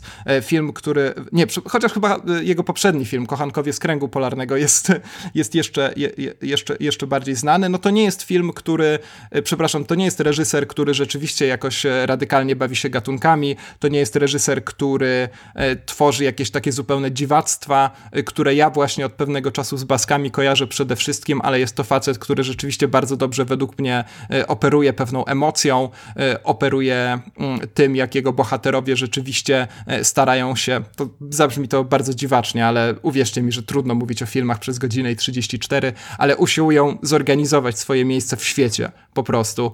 I e, wydaje mi się, że Kochankowie z Kręgu Polarnego, Lucia i El Sexo, Mama także, e, to są takie filmy, które, których warto poszukać na serwisach streamingowych, ale... Ja właśnie odkryłem, że Alex de la Iglesia też jest baskiem, tak? nie wiedziałem o tym. No proszę, się w Bilba nie wiedziałem. W Bilbao urodził, w związku z czym no musi być no baskiem, no to, skoro no to, się urodził w Bilbao, to, stolicy kraju. To to jest fantastyczna basków. sprawa. E, ja czuję do basków taką pewną słabość, dlatego że dysponuje taką kolekcją filmów e, krótkometrażowych zrobionych w baskijskich szkołach i każdy z tych filmów jest absolutnie przeinteresujący. Nawet jeżeli nie są one w całości udane, to każdy z nich jest oparty na jakimś fantastycznym pomyśle, e, których w wielu filmach krótkometrażowych, z którymi miałem kiedyś zawodowo dość dużo do czynienia, rzeczywiście brakuje. I wśród tych ba baskijskich filmów krótkometrażowych jest też film zrealizowany przez niejakiego Nacio Vigalondo. Nie wiem, czy pan Nacio jest Baskiem, czy tylko w kraju Basków się szkolił na filmowca, ale to jest facet, który potem między innymi zrobił Colossal z Anne Hathaway, film, o którym sobie rozmawialiśmy tutaj i też no, film no, zupełnie dawno, dziwaczny. Dawno. Pamiętasz, to jest to połączenie e, filmu o potworach z taką historią, no toksyczną, toksyczną historią miłosną, z tego co, z tego, co mhm. pamiętam. To, tu, tutaj f, f, spieszę na ratunek internetowy. Y, pan Nacio Vigayondo y, urodził się w Cabezon de la Salle. A Cabezon de la Salle jest w prowincji Cantabria, więc tylko studiował w kraju. Dobrze. No to w każdym razie nie, jest jakaś nie, nie, taka... nie wiem na ile, na, na, ile kwestia urodzenia czy wykształcenia w danym miejscu mm, mają, mają dla nas znaczenie. Tak naprawdę no, Masz, masz teorię, że, że, że, że krew basyjska decyduje o jakimś określonym typ, typie kina, nie, tak? absolutnie, absolutnie nie mam, nie mam takiej teorii, ale być może po prostu mają cholernie dobrych nauczycieli. I, I tyle, więc e, pewnie warto się ogólnie rzecz biorąc z ich kinem zapoznać. E, zresztą no nie wiem, czy e, ktokolwiek oprócz reżysera, kto pracował przy platformie, był e, Baskiem, czy też nie. Poza tym wiemy, że Baskowie wzięli się z kosmosu. Tak w każdym razie możemy oceniać na podstawie ich języka, więc to musi być ciekawe kino, po prostu. Znaczy chciałem, chcia, chciałem zaznaczyć tylko, że no, festiwal w San Sebastian odbywa mm, się w kraju tak, Basków, więc może, może, może dlatego tak, y, tak y, szczególnie wielu reżyserów gdzieś tam, wiesz, w okolicach tego festiwalu wychowanych, tak, y, no przebiło się do, do, do świadomości takiej e, światowej. Być może ten festiwal promienieje na, na zewnątrz, mimo że trochę jego, jego, jego prestiż chyba, chyba, chyba podupadł w ostatnich latach. Dobra, to tyle jeżeli chodzi o Basków i o tą część niespoilerową platformy. No to czemu ten film się skończył tak, jak się skończył, panie Michale? Mm, tutaj y, robimy pauzę spoilerową. Tak, tak tu, tu będą. W tym miejscu rozmawiamy o zakończeniu. Jingle, jingle spoilerowe. Pi, pi, pi, pi, spoiler. Nie, przepraszam, mamy jingle spoilerowy i to jesteś ty śpiewający spoiler, więc proszę. No, Aha, ale to myślałem, że skoro mamy, to mamy go gdzieś nagranego. Nie, no będziesz musiał odświeżyć jakoś, jakoś ten jingle, bo nie jestem w nastroju do śpiewania po tym y, bardzo długim nagraniu, które zbliża się tutaj już trochę do dwóch godzin. Tak. E, więc e, więc cze, dlaczego takie zakończenie w tym w tym filmie. E, no, interpretacji możemy mieć e, kilka. Przypomnij, przypomnijmy, że zjeżdżając na sam dół, czyli na piętro numer 333, więc, więc to już może być znaczące, tak? No, niektórzy twierdzą, że to że to wpół do szatana. Tak, to było moje pierwsze skojarzenie. Ale, no ale ja bym zauważył raczej to, że, że tutaj mamy trzy trójki, to znaczy potrójną, e, potrójną liczbę doskonałą, tą liczbę przynależną właśnie Trójcy Świętej, no i generalnie e, wszystkiemu temu, co dobre, tak. W przeciwieństwie do szóstki, która e, no, w tej interpretacji chrześcijańskiej, biblijnej jest liczbą fałszywą, podejrzaną, no, no bo też zmienną, tak, no można ją obrócić i nagle się z tego robić dziewiątka, tak. No to liczba trzy jest liczbą doskonałą. Tutaj mamy potrójne trzy. Więc być może, jeżeli zastosujemy do tego filmu e, no, taką, taką interpretację właśnie e, biblijno, powiedzmy eschatologiczną, tak, no to, e, to być może na, na dole tego filmu, na tym ostatnim piętrze no mamy tego, tego obiecanego Mesjasza, tak? Mamy to, to boskie dziecko, które w jakiś sposób y, jest tam po to, żeby odnowiło E, żeby zaproponował nowy porządek, tak? Wyjeżdżając na górę. Być, tak. By... Tak, po mhm. prostu, mhm. wydaje Chcesz, mi się, że... Bo tak, bo zanim zaproponuję kolejne, kolejne rzeczy, żeby nie brnąć w jakieś kolejne metafory, może, może chciałbyś, chciałbyś się, się do tego odnieść, czy w ogóle no, dorzucanie takich właśnie religijnych tropów do czegoś, co wcześniej nie sugerowało za bardzo mm, tropów religijnych, no bo też nie widzę wielu, wie, wielu innych ma, ma sens.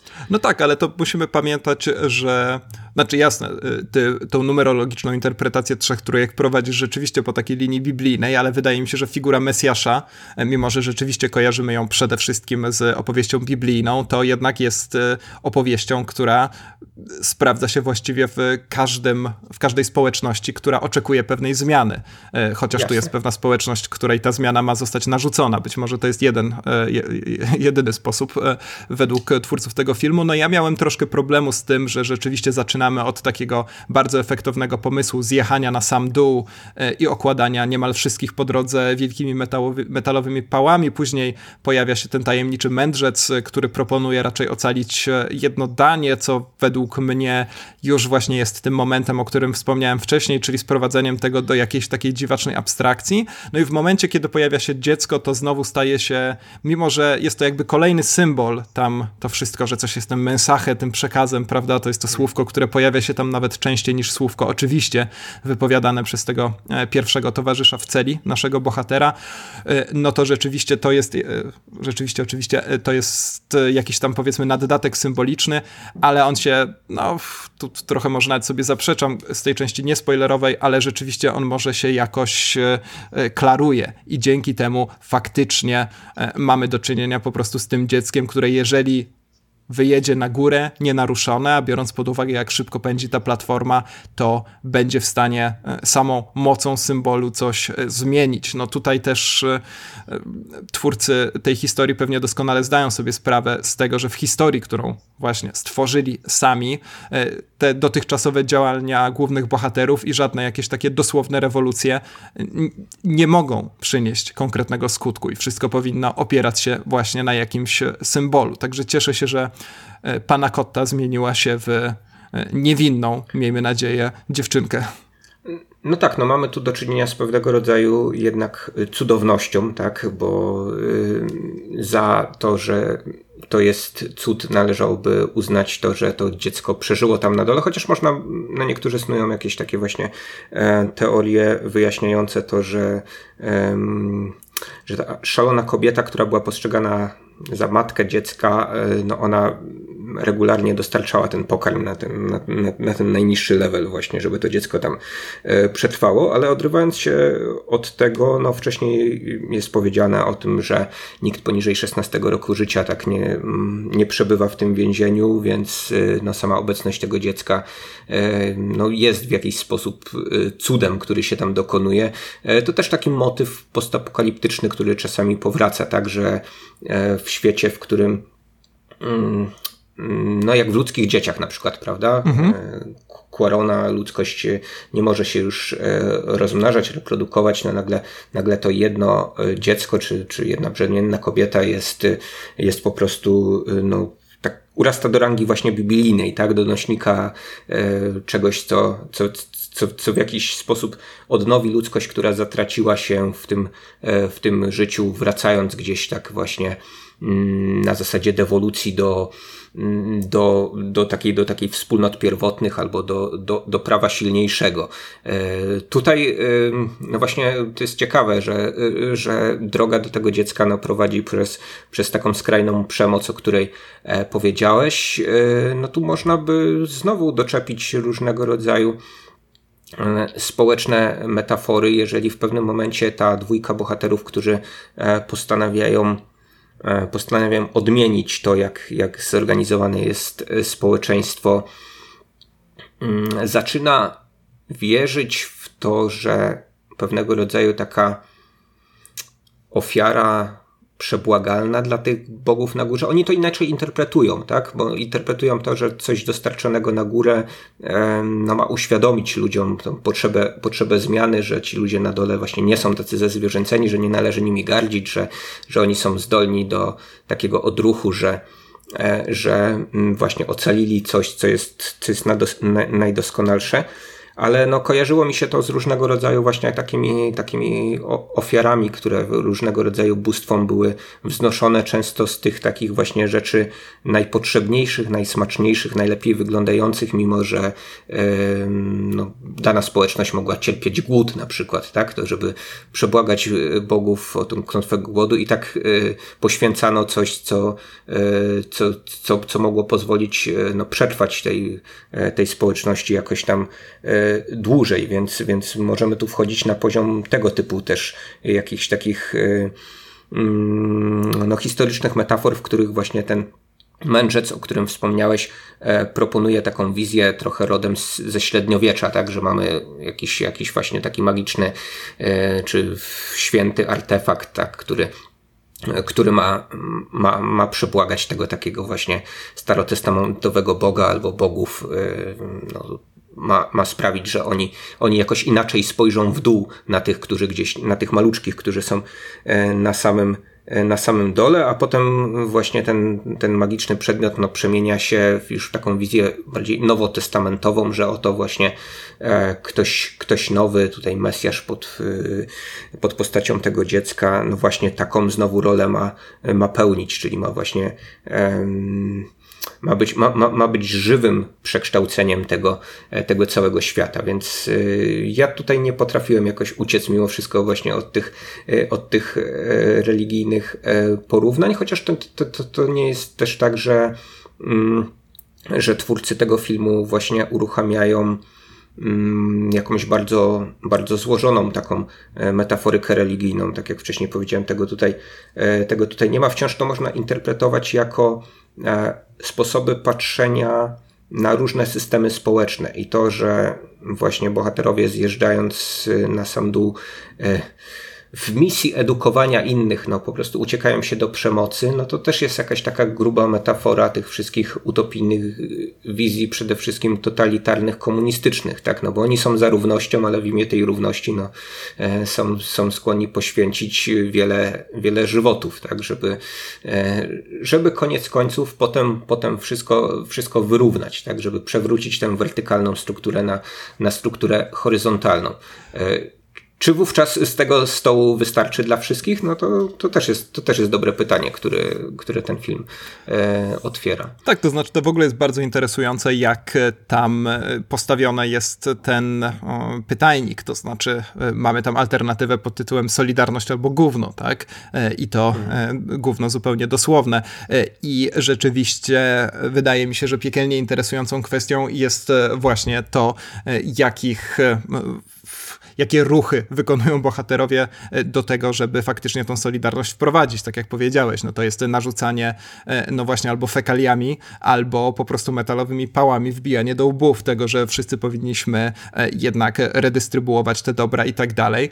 No i to się w rezultacie nie udaje, więc tutaj rzeczywiście na końcu pojawia się ta metafora Mesjasza jako tego, czy, czy też jako tej, bo to dziewczynka, która wychodzi poza te wszystkie podziały i być może rzeczywiście oczywiście jest w stanie to dopiero na tym poziomie metafizycznym zmienić, więc e, tutaj mamy raczej do czynienia w ogóle z taką organizacją świata, no bo musimy pamiętać o tym, że e, cała ta dziura, całe to więzienie, tam nazywane chyba ośrodkiem autoterapii, o ile dobrze pamiętam, jest jakimś e, sztucznym konstruktem stworzonym przez ludzi, którzy są na zewnątrz. No i to tak naprawdę w wyniku właśnie tego, w jaki sposób oni zorganizowali to więzienie, tutaj są takie dramatyczne przeszkody przed tym, żeby ludzi do tej solidarności E, wprowadzić i tak dalej. No bo to też jest pytanie, na ile to rzeczywiście jest taka metafora, że e, na pierwszym, drugim, dziesiątym, dwunastym poziomie są faktycznie powiedzmy ten, ten 1% naszego prawdziwego świata, te e, elity albo tak zwane elity, a na ile wszystkie pozostałe poziomy to są, to jest 99%, no a na ile to rzeczywiście trzeba pamiętać o tym, że oni się jednak dość gwałtownie wymieniają tym wszystkim i tak naprawdę nie ci na pierwszym, drugim, dziesiątym poziomie są elitami, tylko elity są ciągle niedostępne. Ciągle są poza tym wszystkim i to one skonstruowały świat tych 99% w ten sposób, że ci nie są w stanie po prostu e, dokonać tych solidarnych gestów bez jakiejś radykalnej krzywdy wywoływanej mm, w, w sobie nawzajem. Więc to jest tak, też... ale te takie, te, mhm. te takie zmiany gwałtowne co miesiąc, które tam następują, są też jakimś dla mnie właśnie ciekawym, e, ciekawym odpowiednikiem tak, e, takiego właśnie American Dream, który tutaj się y, dokonuje bądź nie. Y, natomiast no, ludzie są trzymani w szachu niejako, bo oczekują tego właśnie, że, że może im się za miesiąc uda jednak, tak? Że może wystarczy ten miesiąc tutaj przetrwać na dole, a jednak, tak, jednak a w końcu dostaną ten spadek Mhm. O dwójka, prawda? Jak w tej słynnej anegdotce o Pucybucie, który w Ameryce zostaje milionerem. To mnie ten aspekt bardzo zainteresował, to, że jednak elity e, tak naprawdę no, wzięły udział gdzieś tam przy założeniu tego wszystkiego, kontrolują to wszystko, ale dla mnie mamy pomieszanie troszkę metafor w sytuacji, w której myślimy, że rzeczywiście elitami są ci z pierwszego, drugiego e, poziomu. Raczej te elity są ciągle na zewnątrz i ciągle są niedostępne do momentu być może, kiedy ta dziewczynka, mesjasz, mesjanka e, wyjedzie na tej e, błyskawicznie poruszającej się platformie aż na ten słynny poziom zero.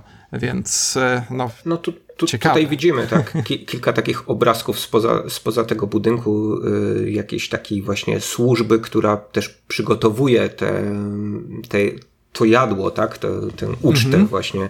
E, I, e, no i to są, to są takie tylko dosyć enigmatyczne migawki, ale widzimy, że tam życie też jest skonstruowane w taki sposób, że, no, że jeden jakiś srogi nadzorca. Tak, tak, tam też jest hierarchia bardzo wyraźna. To jest nad, niezwykle interesujące. Nadzoruje i karze, tak, i on, i on wymaga od, od nich, od, od tych ludzi, którzy, którzy właśnie zajmują się e, przygotowywaniem tej strawy, że, żeby, żeby żeby to było. Mm, e, no, żeby to było zorganizowane jak, jak, jak należy, no, ale wydaje, wydaje się, że, że mamy, mamy strukturę też jak najbardziej taką właśnie quasi-feudalną podległości pełnej.